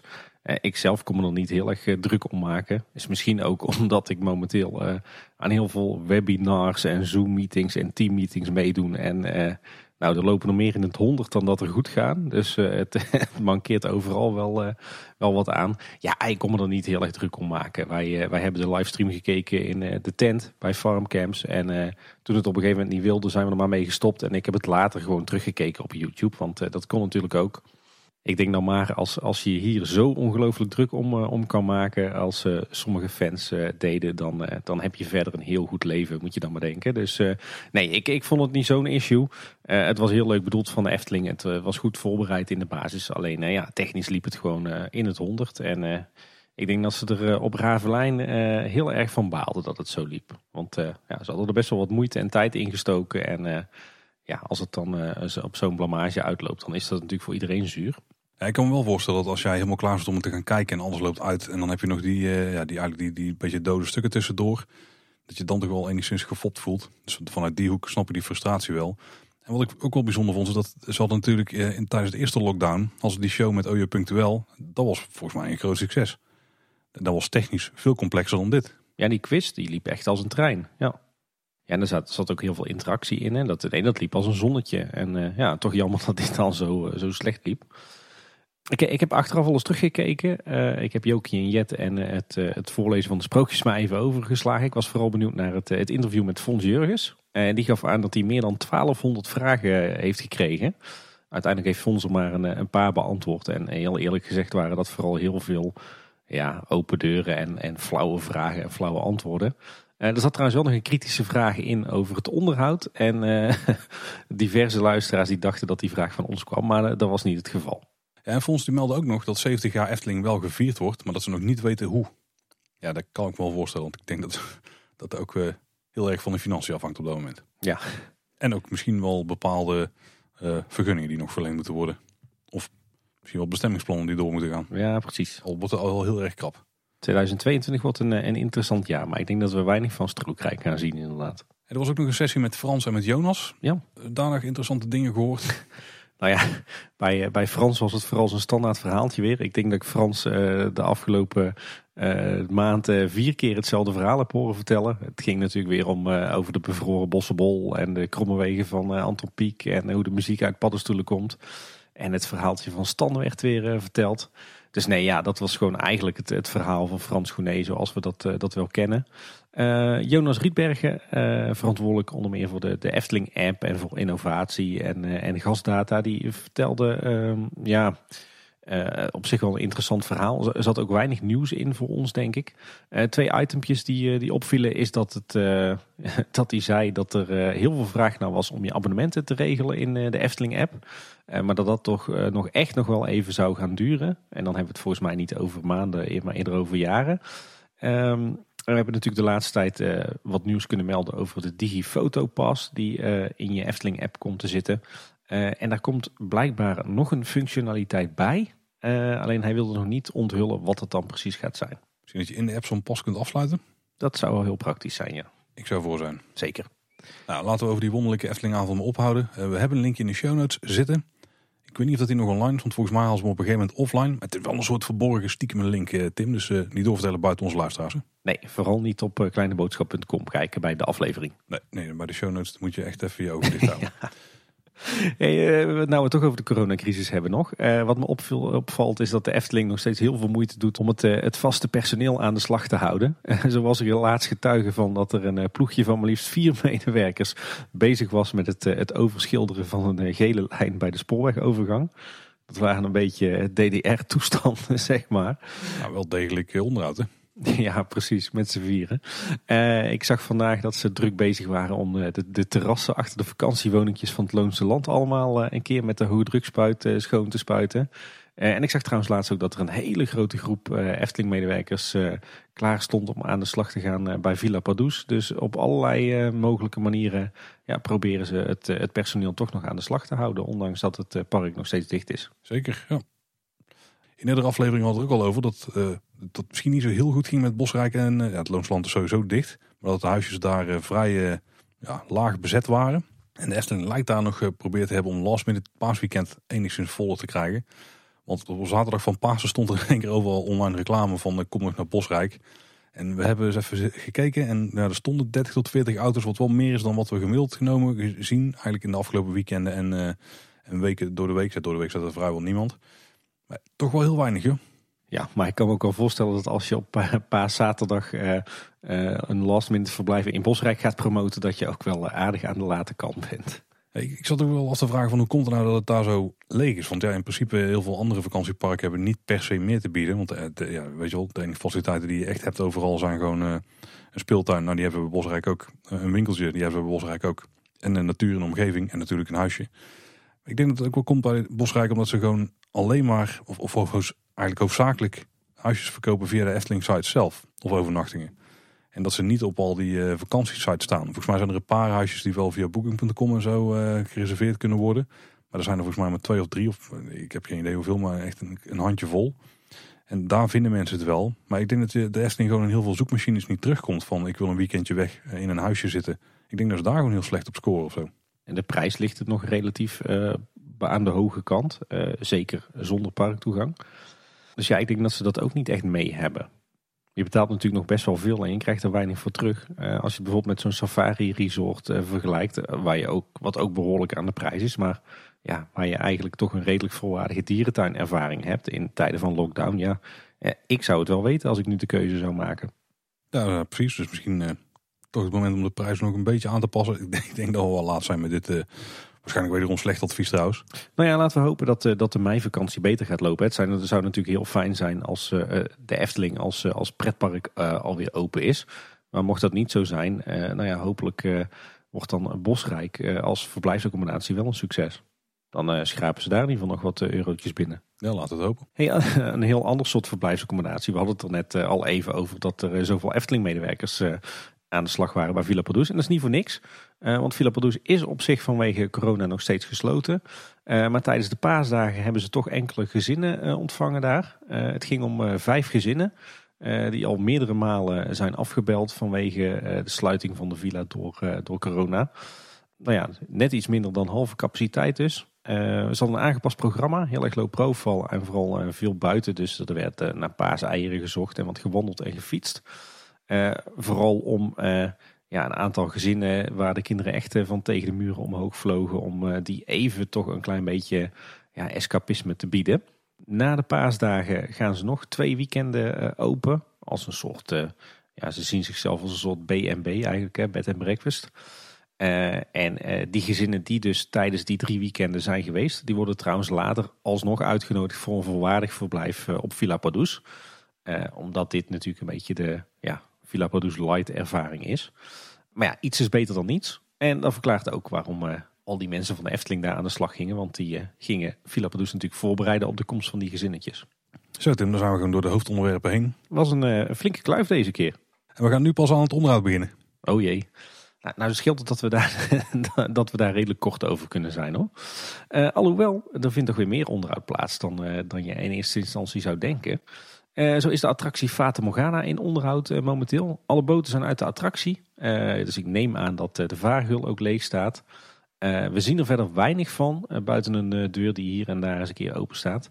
Wat we wel zagen is dat, dat er buiten druk werd gewerkt met de hoge drukreiniger. alle koepels van het, het Oosterse paleis zijn schoongespoten. de gevel volgens mij ook. daar stonden wat hoogwerkers bij. En inmiddels is alles weer netjes schoon. En we zagen nog een eh, hele stoere foto op Instagram voorbij komen van een uh, medewerkster die uh, de hoogdrukspuit hanteerde.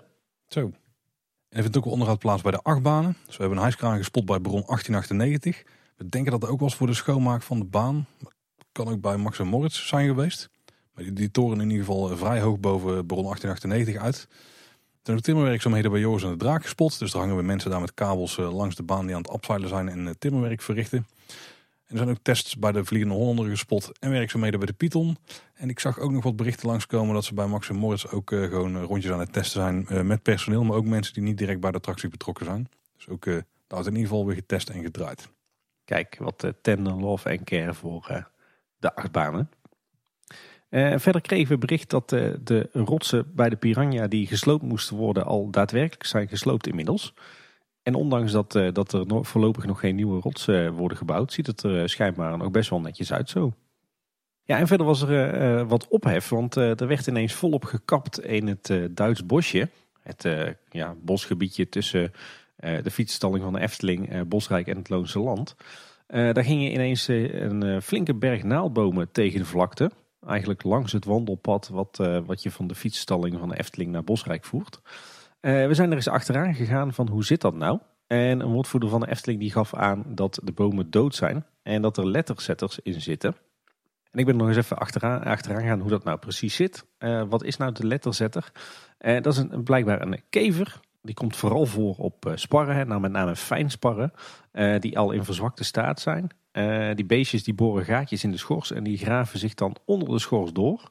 En eh, dat zie je ook wel eens, want eh, als er in de natuur uh, naaldbomen plat liggen, zie je wel eens onder de schors, als de, als de schors er vanaf valt of je, je breekt er vanaf, zie je een heel gangenstelsel, lijkt het wel.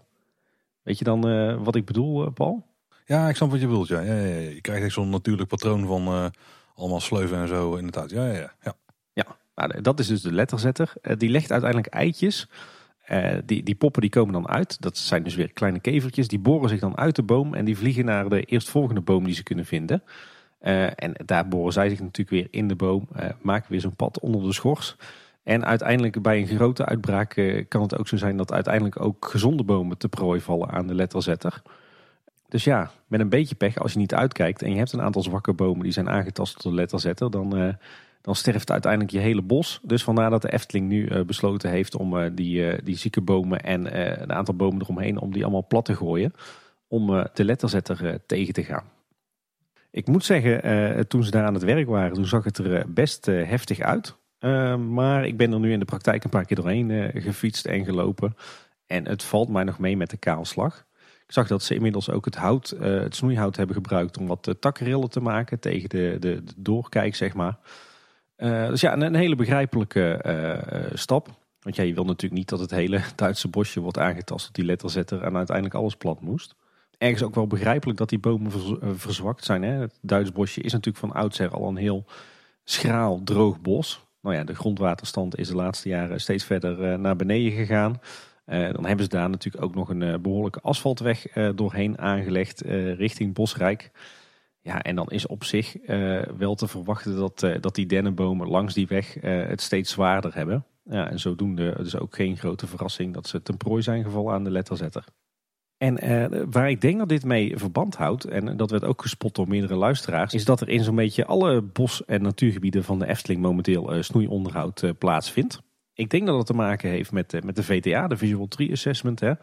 Uh, je ziet dat de afgelopen jaren uh, in, uh, in het attractiepark volop gesnoeid en gekapt is. naar aanleiding van controles van de bomen. en alle bomen die dood zijn of ziek en die een risico vormen, die, die moeten dan plat of ze moeten gesnoeid worden. dat doen ze natuurlijk in het park, dat doen ze op de verblijfsaccommodaties en op de golf. en ik denk dat dit jaar zo'n beetje alle restgebieden aan de beurt zijn.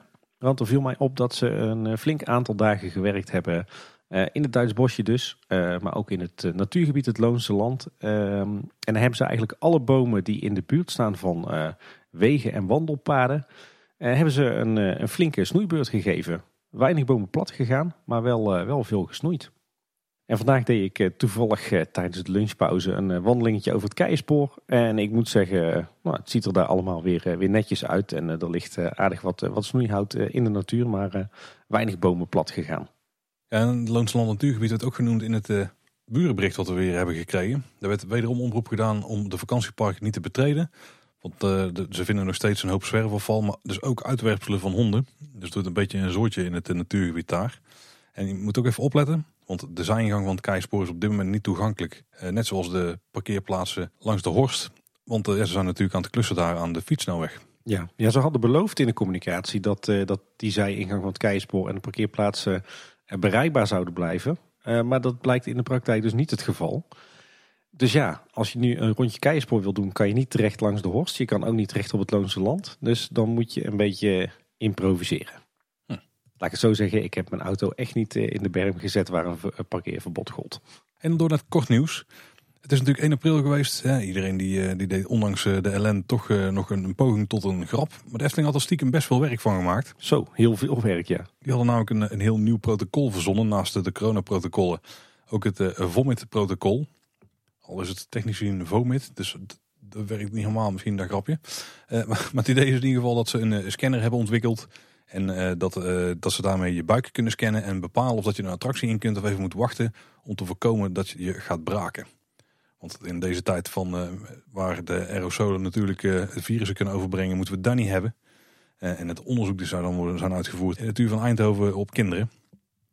Er zal er best wat namen bij betrokken dit keer. Joh. Ja, inderdaad. Eh, we zagen heel wat bekende koppen voorbij komen. Eh, Jonas Rietbergen weer, natuurlijk als, eh, als de grote man achter de Efteling-app. Maar ook directeur Koen Sanders van commercie, creatie en ontwikkeling. heel wat Efteling-medewerkers, maar ook mensen van de TUE. Maurice de Hond kwam voorbij, een aantal kinderen. Het zou me niks verbazen als dat kinderen van directieleden zijn of zo. Het was een heel blik bekende Eftelingers en bekende Nederlanders opengetrokken. En ze hadden in de video zelfs ook veel moeite gestoken, buiten dus de bekende koppen. En ze hadden speciale bordjes gemaakt bij de volmitruimtes, uh, visualisaties op prikborden, visualisaties in de app en zo. Dus ook uh, nou, qua productiewaarde was het, was het eigenlijk best wel van hoog niveau. Ja, ik moest vooral lachen om uh, het prikbord achter de werkplek van Jonas Rietbergen. Dat hing echt vol met A3'tjes, met, met diagrammen en schema's die echt gewoon speciaal voor de video gemaakt waren, zeg maar. En ik heb er ook stiekem best wel veel goede reacties op gehoord. Ook in de landelijke media. Volgens mij wel wat tv-programma's langsgekomen. Dus daar hebben ze punten gescoord. Ja, het had flink succes inderdaad. Al moet ik zeggen dat ik zelf de 1 april grap van uh, Lieseberg nog net wat, uh, wat leuker vond. Ja, die had ook wel een goede eh, grap. Ja, die had ook een mooie video erbij. Productiewaardes waren wel iets minder trouwens. Alleen dat was zo grap als je de, de titel las dat je in eerste instantie dacht dat het echt was. En naarmate je de video verder keek werd het steeds absurder dat is toch eigenlijk wel waar een, eh, een echte 1 april grap aan moet voldoen, toch? Ja, ik dacht toen ik de titel zag en vooral de beschrijving volgens mij bij de social media post. Ik denk, ach, die uh, Zweden die hebben weer een of andere stomme Engelse vertaalfout gemaakt. Maar dat bleek dan wel ook de kern van de grap een beetje in te zitten. Wat mooi vond ik, ik ken geen Zweeds. Maar uh, ze hadden dan een interview hoofdzakelijk met uh, een iemand van de technische dienst of zo. In ieder geval iemand die verantwoordelijk is voor de Liseberg banaan. Dat is volgens mij echt een ontzettende droogklootje. Hoe die dat bracht.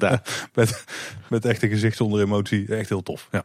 Ga die zeker even kijken. Ik wil de grap niet verklappen. Het uh, werd hoe langer hoe absurder. Nou, in ieder geval twee geslaagde 1 april grappen. Dat uh, kunnen we wel stellen. Ja. En dan was er ook nog een persbericht over de laadpalen. We hadden al eerder al verteld dat die uh, geplaatst zouden worden.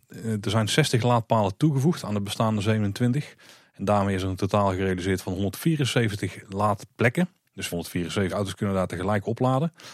En daarmee is het blijkbaar het grootste laadplein van de Benelux. Ja, dat geloof ik wel. Ik zou ook niet veel plekken weten waar er meer palen bij elkaar staan. Zelfs bij vliegvelden of zo eh, zijn er nog niet zoveel. Ik ga binnenkort een, uh, een woonwijk uh, renoveren. En die wordt heel duurzaam. En bij de Gratie Gods mag ik daar twee laadpalen plaatsen. Twee? Zo, zo, zo. zo. Dus dit is best veel, ja. Ja, publiek zijn er nog best veel in een, in een woonwijk in ieder geval. Ja. Ik denk dat de meeste mensen er zelf een hopelijk als ze de mogelijkheid hebben bij de deuren laten installeren. Het is in ieder geval een samenwerking met Eneco Mobility. Volgens mij zijn er qua Efteling kosten vrij weinig. Misschien wel straatwerk of zo. Maar de Eneco die, die dekt in principe de kosten. En ik denk dat daar ook gewoon de omzet heen gaat. Nou, de Efteling meldde zelfs nog, ik denk niet dat het heel relevant is dat het uh, alleen maar om type 2 stekkers gaat. Dus zorg dat je die kabel bij hebt. Maar dat is eigenlijk de, meest voor de hand liggende laadkabel voor uh, uh, normale laadsnelheden. De Menneke stekker wordt het ook wel genoemd. En op de blog kun je wel meer informatie erover lezen, mocht je dat willen. Ja, en over de blog uh, gesproken. Er uh, stond laatst een hele toffe post uh, over 25 jaar Villa Volta. met nog best wel wat, wat interessante informatie die voor mij soms toch nieuw was. zo was het te lezen dat het eerste idee voor Villa Volta al uit 1974 stamt. En dat het eerste concept wat in de jaren 90 werd uitgewerkt een draaiende ridderzaal was. maar dat concept was te zwaar voor de draaiconstructie, dus kwam er een nieuw ontwerp. Verder kwam nog aan bod dat uh, Villa Volta niet de oorspronkelijke naam is. Er waren eerste ideeën onder meer voor Villa Vola, voor Nachtmerrie en Villa Huiverstein. dat weten we natuurlijk ook uit ons interview met Reinhard van Assendelft. maar er was bijvoorbeeld ook heel wat aandacht voor de reclamecampagne in 1996. Toen je in heel Nederland van die abris vond die op zijn kop stonden. maar ook voor de film Hugo. Die is gemaakt door Dennis Bots en Jeroen Zwartjes. We hadden het er laatst ook nog over in onze aflevering over Efteling en media. En er was niet alleen een, eh, een eh, post op de Efteling-blog ter gelegenheid van 25 jaar Villa Volta, maar ook een uh, nieuwe jubileumpin die je exclusief kon kopen op het pakhuis, de webshop van de Efteling. Deze keer een oplage van 2200 stuks. Dus 700 meer dan, dan normaal met jubileumpins. Misschien hebben ze dan toch een beetje geleerd. het kostte 7,50 per stuk. maximaal drie pins per huisadres. Uh, maar desalniettemin uh, waren die ook binnen een paar dagen weer volledig uh, uitverkocht. ik heb er zelf toch maar weer eentje besteld. Ik hou me niet echt aan mijn voornemen om niet te veel pins te kopen, merk ik. en hij is heel mooi. de afbeelding van, van het huis, dus van Villa Volta zelf, die, die kan je ronddraaien. Een heel mooi en degelijk en chic ontwerp weer. En er was nog een jubileum. Want ook het Huis van de Vijf Zintuigen bestaat 25 jaar. En uh, daar had de Efteling vooral een uh, Twitter-post aan gewijd. Met wel een paar, uh, in ieder geval met in ieder geval één hele toffe foto. Namelijk van de bouwfoto die ik nog niet had gezien. genomen vanuit de oude fietsenstalling. En dan zie je dus het Huis van de Vijf Zintuigen in de stijgers, in de aanbouw. Heel tof. Ja, een hele toffe foto inderdaad. Alhoewel het Huis van de Vijf Zintuigen eigenlijk nog een paar maandjes ouder is. Maar goed, die, die discussie die is op social media al gevoerd.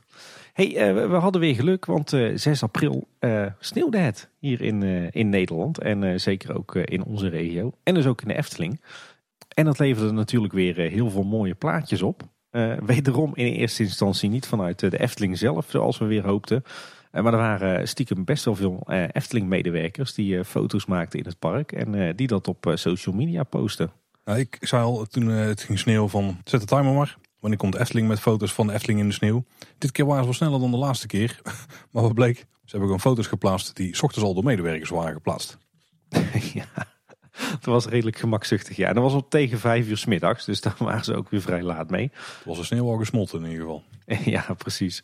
Maar het is natuurlijk altijd geweldig om de Efteling in de sneeuw te zien. Hè. Dan eh, is het park echt een plaatje. En dat is het normaal gesproken al, dus eh, dan is het alleen maar mooier. Eh, trouwens nog iets opvallends. Er kwam ook een foto van een besneeuwd Herautenplein voorbij. Natuurlijk altijd wel eye candy. En was op te zien dat de Herauten nog niet terug zijn. Dus die staan waarschijnlijk nog lekker warm in het Gildenhuis waar ze een nieuw verfje krijgen. Nog steeds geen punten. Hmm. Nou, mocht je nog toe zijn aan Efteling Media uitingen, dan is er een nieuwe playlist van Yoki. En die gaat over de lente. Dus check het linkje in de show notes als je daar de video's van wilt checken. Of vooral waarschijnlijk als je ze je kinderen wil laten zien. En er is ook nog wat uh, merchandise nieuws. Niet eens van de Efteling zelf trouwens. Maar er is een, een legpuzzel beschikbaar nu. Brabants Café. Die bestaat uit duizend stukjes. En waarom noemen wij die? Nou, er staan namelijk elementen op uit de Efteling en de Beekse Bergen. Maar ook een flesje schrobbeler. En deze kun je voor 17,90 euro kopen bij Hedenbos. Ja, Hedenbos of Hedenbos. Ik kom er nog niet helemaal uit wat het nou voor, eh, voor bedrijf het is. Overigens heeft merchandise-kenner Carlo inmiddels binnen. En hij schreef dat de kwaliteit van de puzzel wat minder is dan je misschien zou doen hopen. Dan bij een Ravenburger puzzel of zo. Of eh, weet ik wie allemaal puzzels maken tegenwoordig. En maar dat het nog steeds wel prima is. En uh, nou, dat het wel jammer is dat je hem zelf nog in elkaar moet zetten. Ideale lockdown vermaak toch? We hebben ook wel een puzzeltje of drie gelegd ja. We hebben het al eerder gehad over het eh, tv-programma Op zoek naar Maria. Eh, waar twee Eftelingers aan meededen. Uh, Nandi en Natasja. En met name Natasja Molly zullen heel veel mensen kennen. Aangezien zij onder meer Jet en Jelka vertolkt heeft de afgelopen jaren. nou, het programma is afgelopen. zowel Nandi als Natasja stonden in de finale. Dus een, een mooi Eftelings erepodium. uiteindelijk heeft Nandi gewonnen. Dus gefeliciteerd. En voor ons ook goed nieuws, want hopelijk betekent dat dat we Natasja nog lang in het park mogen meemaken als Jet of Jelka. Inderdaad, ja. Nou, we hebben ook weer de kleine boodschap. Er is weer een toffe video online gekomen, meldingsservice. Er is namelijk een Engelse video opgedoken uit 1964 met beelden vanuit de Efteling. Dus check het linkje in de show notes en dan vanaf 42 seconden dan kun je de vaak hier in het Routenplein spotten. Ja, en er was ook nog een uh, vondst van uh, Giertje64, en ook een luisteraar van ons. Die vond namelijk een video van opa Frederik op YouTube. Met onder andere beelden van Efteling omstreeks 1960. Met onder andere het nieuwe huisje van Roodkapje, nog zonder de figuren erin. En een langnek die zo waar een, een blauw shirt droeg. Oh, Ik heb deze nog niet gezien, maar dit, dit klinkt wel als dingen die ik ook even moet checken. Nou, en dan ook nog een vondst van Casper op Beeldbank Oosterwijk. Een dagje Efteling in 1954. En daarin zie je onder andere het Sprookjesbos, de Siertuin, het kinderspoor, het kinderbad, de speeltuin, de vijvers en de milieudienst die eh, aan de gang is. Ja, hele toffe video ook. En er zijn natuurlijk veel Efteling-liefhebbers en die helpen ons door de barre tijden heen zonder park door eh, foto's te plaatsen uit het verleden van de Efteling. Eh, de stamtafel die hebben we al in het verleden genoemd. Hè. Die heeft een hoop toffe series inmiddels ook weer extra online gezet. Dus ga die zeker checken. Maar ook Leon Efteling die heeft bouwfoto's, onderhoudsfoto's, officiële openingsfoto's en seizoensfoto's geplaatst op zijn Twitter-account. Dus check die op Leon Efteling. En dan last but not least, wil je nou eens kijken wat Koen Bertens nou op dit moment uitvreet. Die heeft zijn website in de lucht geslingerd koenbertensconsultancy.com en dan kun je zien uh, hoe Koen iets voor jou zou kunnen betekenen. Ik weet niet of het voor de meeste luisteraars is weggelegd, maar kan het allicht even checken. Nou, ik heb wel op zijn website gezien dat hij uh, meer doet dan alleen advies uitbrengen over uh, pretparken. Dus ook als je een organisatieontwikkeling hebt of zo, dan kan je hem ook benaderen. Kan Koen je vast helpen. Nou, tof. Ja. En dan in de periferie van de Efteling, Tim, zijn er nog dingen gebeurd verder? Ja, nog wel een paar leuke updates. Uh, er wordt nog steeds hard gewerkt aan de F261, de fietsnelweg tussen Tilburg en Waalwijk, die uh, natuurlijk ook uh, langs de Efteling komt. zo is de, de Horst, de oude Horst, is nu afgesloten vanaf de kruising met de Eftelingse straat. waardoor je dus ook niet meer het Keienspoor op kan, helaas. Wat me opviel is dat, is dat daar de verharding al is ingezaagd. Dus het lijkt erop dat de hele kruising van de oude Horst met de Eftelingse straat en de nieuwe Horst dat die er volledig uitgaat nog en dat die uh, opnieuw wordt, uh, wordt aangelegd. Geen overbodige luxe, want het is nu uh, oude griebus. Verder zijn ze inderdaad druk bezig met het vergraven van de sloot langs de Horst. Dus die komt wat, wat dieper in het gebied van de Efteling te liggen. Waardoor er heel wat bomen zijn moeten wijken. En ook een stukje van het grondgebied van de Efteling weer is opgesnoept. En het viel mij nog op dat, dat de BAM, de Bataafse aannemingsmaatschappij, die, die het werk uitvoert voor de gemeente Loon op Zand, dat hij zijn, eh, zijn depot, dus zeg maar zijn, eh, zijn bergen zand en grond en zijn bouwkeetjes, op eh, strookrijk heeft staan. En de gemeente Tilburg is inmiddels ook weer verder gegaan met een deel van hun tracé. Het, het gedeelte langs de rioolwaterzuivering. Nou, dan een tweede opvallend puntje. er komt een vernietigingsplaats voor explosieven uit de Tweede Wereldoorlog. voor de EOD, de explosieve opruimingsdienst, aan de Veldstraat. En dat is eigenlijk naast het Efteling Golfpark. En uh, daarvoor wordt een, eh, een, zanddepot aangelegd. Dus zeg maar wat, uh, wat bergen zand waar ze niet gesprongen explosieven uit de Tweede Wereldoorlog in kunnen opblazen. En wat ook nog opvallend is, wat de gemoederen hier heel erg bezighoudt op het moment, is de aanleg van nieuwe hoogspanningsleidingen. en dan met name natuurlijk die, die grote masten die dan gaan komen. een aantal oude masten hier in het gebied gaan weg, maar er komen ook nieuwe masten voor terug. En wat blijkt nou, die komen vlak langs het Efteling Golfpark te lopen, net ten westen ervan. Het is nog niet helemaal zeker dat het doorgaat. Er is namelijk heel veel eh, weerstand vanuit de buurtbewoners, met name vanuit het eh, gehucht Kraanven en het eh, dorpje De Moer. Eerder was er nog een, een ander gunstiger tracé voor die bewoners, maar de Efteling en Stichting Natuurmonumenten die zouden dat hebben tegengehouden in verband met de impact op Huis ter Heide en de Efteling Golfbaan. Nou goed, desalniettemin komen er dus flinke hoogspanningsleidingen langs het Efteling Golfpark te lopen. En de verwachting is dat die rond 2030 gereed zijn. En dan zijn we aangekomen bij En dan nog dit. Um, ik heb nog een, een podcast tip. Die heeft eh, wel heel erg veel te maken met corona. Dat is tegen ook, dat is het enige waar die over gaat. Dus mocht je daar niks om geven, dan skip even een, een seconde of 30 vooruit. Uh, maar signaalwaarde is echt wel een, een tip voor een podcast. Uh, die wordt gemaakt door drie mannen. Die duiken dagelijks helemaal in de coronacijfers. En die maken daar een wekelijkse podcast over. De laatste aflevering daar hebben ze Hugo de Jonge voor weten te strikken. Die daar ook al komt vertellen. We hebben ook al gesproken met de viroloog, met medewerkers van de GGD. en van andere instanties die ermee te maken hebben. En ze analyseren de cijfers. En dan krijg je een heel goed beeld van, van wat het nou allemaal betekent, al die cijfers. En welke kant het allemaal op gaat. Dus eh, als je daar eh, meer van wil weten en je wilt het gewoon wat meer casual tot je nemen, dan is Signaalwaarde echt een, een, een hele goede podcast wat mij betreft. Een goede tip. En verder ben ik wel heel benieuwd, Tim, hoe het eh, Pieter is vergaan. Want op het moment van opnemen weten we het nog niet. Maar afgelopen weekend, zeg maar nadat de aflevering uitkomt, wat wij dus nog niet hebben meegemaakt, dan heeft hij zijn 10 uur carnaval festival muziek luister challenge hopelijk doorstaan zonder uh, door te draaien. Al is het natuurlijk iets waar uh, bepaalde Efteling-medewerkers ook zeer in geoefend zijn. Hè. Die kunnen dat deuntje ook gewoon de hele dag aan, uh, aanhoren. Maar hij gaat tien uur lang live via een Twitch-stream gaat hij, uh, de muziek van Carnaval Festival luisteren. nou, je weet dat ze die natuurlijk gebruiken op bepaalde plekken in het land om hangjeugd ja, in ieder geval een beetje weg te jagen. Dus ik ben heel benieuwd hoe Pieter het vergaat. Ik heb al wel gezien dat er, dat er wat mooie aankleding in zijn streaminghok te vinden is dadelijk. Ja, inderdaad. Ik ben, ben benieuwd. Ik ga zeker een stukjes terugkijken. Ik denk dat dat wel kan, ja. Ja, heel tof. En misschien nog een, een kleine korte luistertip, dan meer in de muziekhoek. Ik ken René Merkelbach natuurlijk als uh, ja, de man achter de muziek van de Efteling in de laatste ja, 15 jaar of zo. Uh, maar die heeft ook een eigen single uitgebracht. Die is sowieso al redelijk actief op het uh, Flexa Tunes label wat hij dus heeft. Maar dit is een, nummer wat qua muziekstijl wel redelijk dicht tegen de Efteling aanschuurt. Al, al krijg ik er wel meer wat flarden van nou, bepaalde films en zo bij als ik het luister.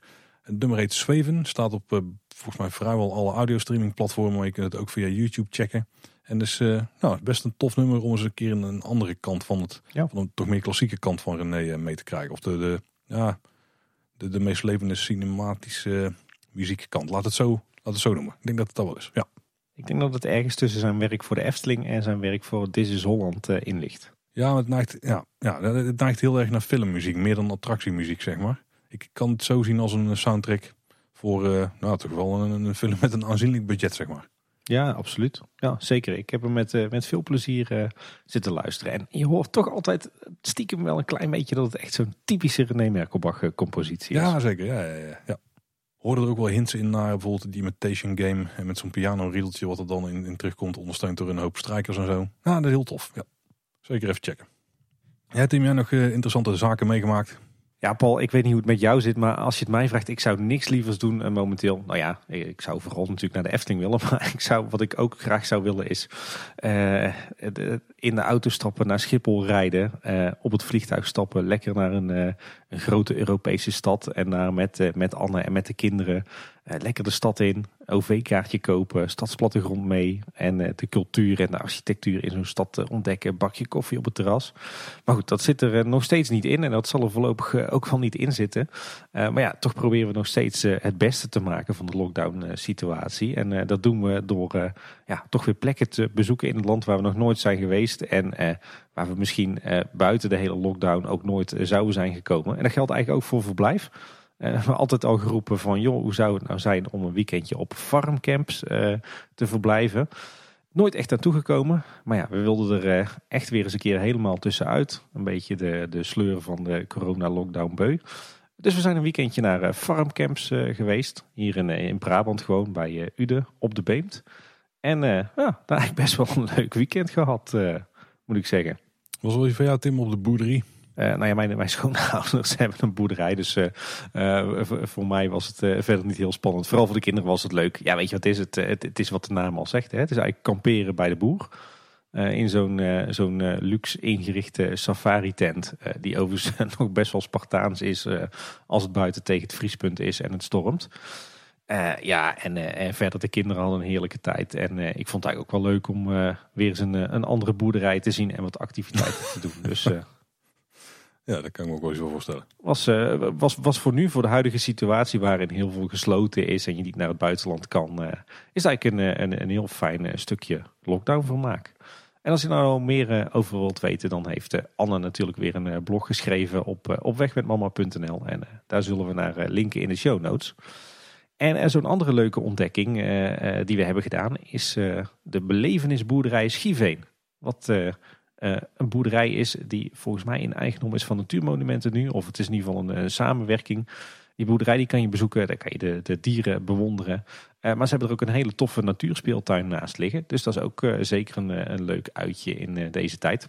Ja, en verder zijn we ook weer veel de Loons en Drunense duinen in geweest. De Oosterwijkse bossen en vennen. Dus wij vermaken ons wel, zelfs in coronatijd. Alhoewel ik niet kan wachten op versoepelingen. Daar ben ik dan ook alweer eerlijk in. En ik geloof dat we al een, eh, een top 10 hebben van de dierenparken, pretparken en musea waar we meteen naartoe willen als alles weer open gaat. Dus ja, de lijst is, is weer lekker ambitieus. En verder nog wel interessant nieuws vanuit de Beekse Bergen. We hadden het er al eerder over dat zij lekker flink aan het, aan het uitbreiden zijn. De wandelsafari daar gaat op de schop. In het oude vakantiepark is een verblijfsvorm toegevoegd. En nu is er weer nieuws uit het, het nieuwe Safari Resort. Want dat is een groot succes en dus gaan ze uitbreiden. Er komen namelijk 120 familiekamers bij, verdeeld over 15 lodges met twee verdiepingen. Dus dat zijn eigenlijk ja, 15 mini-hotels. Bestaan uit appartementen, eh, die vooral geschikt zijn voor eh, korte verblijven en kleinere gezelschappen. Eh, er zit gewoon hotelservice op, dus die worden schoongemaakt. En je krijgt een ontbijtbuffetje in een nieuw centrumgebouw. Dus dat is eh, op het Safari Resort eh, weer een nieuw soort accommodatie voor, eh, voor een andere doelgroep. Ik denk een hele slimme stap. Ja. En ze pakken dat serieus aan. Een investering van eh, 25 miljoen euro. Het wordt ook een, een nieuw gebied met een nieuwe savanne. Met onder meer giraffen, neushoorns, zebra's en, en antilopen. En het komt eigenlijk in een, wat nu nog een bosgebied is, bij de inrit van het Safari Resort. En ze verwachten zomer 2023 eh, te openen. Dus eh, ja, bij eh, Libema en bij de Beekse Bergen gaan ze echt eh, als een malle. Volle mak investeren daar. Nou, goed bezig. Ja. En ook van mijn kant nog wat, wat luistertips. Twee vrienden van de show, Niels Dame en Mark Dekkers, die zijn lekker bezig samen. Mark ken je natuurlijk van aflevering 199, de blik achter de schermen. En volgens mij is hij een keer voor mij ingevallen bij Kleine Boodschap. En Niels kan je kennen van de aflevering waarin we masterplannen maken voor de wereld van de Efteling. En die is dan weer een keer voor jou ingevallen. Mooi duo. Ja, inderdaad. Eh, Niels was eh, deze week de gast bij eh, Ready for Takeoff, de podcast over luchtvaart van, van Mark. En daarin vertelde hij openhartig over zijn vliegangst en vooral hoe dat hij die heeft overwonnen. Eh, en dat was een hele toffe, toffe samenwerking. En daar vloeit ook weer iets heel tofs uit voort. Ja, ze zijn namelijk samen een nieuwe podcast gestart. Typisch Brabant, de podcast. Ja, inderdaad. En eh, inmiddels zijn er volgens mij ja, één aflevering en de trailer zijn uit. En eh, ik heb ze met eh, veel plezier zitten luisteren. Die twee zijn echt goud samen. Ja, volgens mij iedere, nieuw- iedere woensdag een nieuwe aflevering. Dus nou ja, ga daar zeker checken. Volgens mij zitten er wel vaste rubriekjes in. Ik baseer het op één aflevering die ik tot nu heb geluisterd. Hè, want dat is de enige die nog beschikbaar is natuurlijk. Maar ze gaan iedere, iedere aflevering halen ze een stukje Brabant aan. Volgens mij hebben we die vraag zelfs wel eens gekregen van... Ja. praten ze wat meer Brabants? Nou, daar kun je, daar, daar kun je hard ophalen. Ze gaan uiteraard iedere aflevering typisch Brabants behandelen. Maar er is ook iedere aflevering een Brabantse quizvraag. Hey, en eh, wat meer on-topic voor, eh, voor onze luisteraars. Eh, waar ik ook erg van heb genoten is het, het interview met de Imagineer Jim Schill. Bij de DLP Report podcast in het Engels. Aflevering 4 van seizoen 2. Ja, hij heeft heel veel gedaan voor onder meer Disneyland Parijs. En een heel openhartig en super leerzaam en interessant interview. En eh, deze week en de, eh, de twee weken daarna hebben ze trouwens een eh, driedelig interview met Tim Delaney. Ook een Imagineer. En in eh, 1992 eh, onder meer eindverantwoordelijk voor Discoveryland. En ik heb het nog niet kunnen luisteren, maar ik ben er toch vrij zeker van dat dit ook super interessant gaat zijn voor alle Efteling, Disney en pretparkliefhebbers. En last but not least, een guilty pleasure van mij. Want eh, de Drie op Reis podcast is ook weer begonnen. De koffer in met Drie op Reis heet die. En als je net zoals eh, Paul en ik eh, dol bent op reizen, dan is dat absoluut ook een, een heerlijke podcast om te luisteren. Met name aflevering 1, waarin ze het hebben over hun reis naar, naar Groenland, vond ik al super boeiend. Dus zeker ook een luistertip als je wat hebt met, met reizen. En dan zijn we weer aan het einde gekomen van de aflevering, Tim. Mensen die vragen wel eens van wat kan ik doen om de podcast te steunen? Nou, er zijn in principe twee dingen die ons heel erg helpen. De eerste is als je gewoon andere mensen vertelt over kleine boodschappen, zodat zij misschien ook gaan luisteren en de luisteraarsgroep groter wordt. En het andere is als je een reviewtje achterlaat op een van de podcastplatformen. En dan met name Apple Podcasts, want dat helpt andere mensen gewoon eh, om de podcast sneller te vinden. Dan komen we hoger in de algoritmes, et cetera. Hoe de magie exact werkt, dat weten we niet, maar blijkbaar helpt het. En eh, we hebben weer een reviewtje gekregen van Cinet89. En die schrijft: Het is bijzonder hoeveel gesprekstof er is over één heel specifiek themapark. Het vervult geen moment en iedere week leer je nieuwe dingen over het park. De liefde voor het park van de heren en het gevoel waar ze mee praten, laat die aanwezig zijn in het park terwijl het gesloten is. Dat Efteling nog vaak de deuren voor jullie opent die voor ons gesloten blijven, zodat er nog veel meer mooie afleveringen bij komen. Ga zo door. Nou, de laatste, daar hopen wij natuurlijk ook. Ja, heel tof zulke soort eh, reviews. Ja, dus via Apple Podcasts kun je die achterlaten, maar ook via andere platformen kun je sterren ratings geven. En het, eh, het helpt overal in ieder geval, dus check even of dat daar mogelijk is. Want Kleine Boodschap luister je natuurlijk in eh, alle mogelijke podcast apps of via onze website kleineboodschap.com. Ja, en op de website vind je naast onze afleveringen natuurlijk ook alle show notes en een contactformuliertje waarmee je contact met ons op kunt nemen.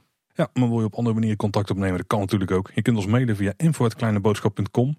Maar je kunt ook eh, naar social media gaan, want daar zijn we ook op eh, vrijwel alle platformen actief.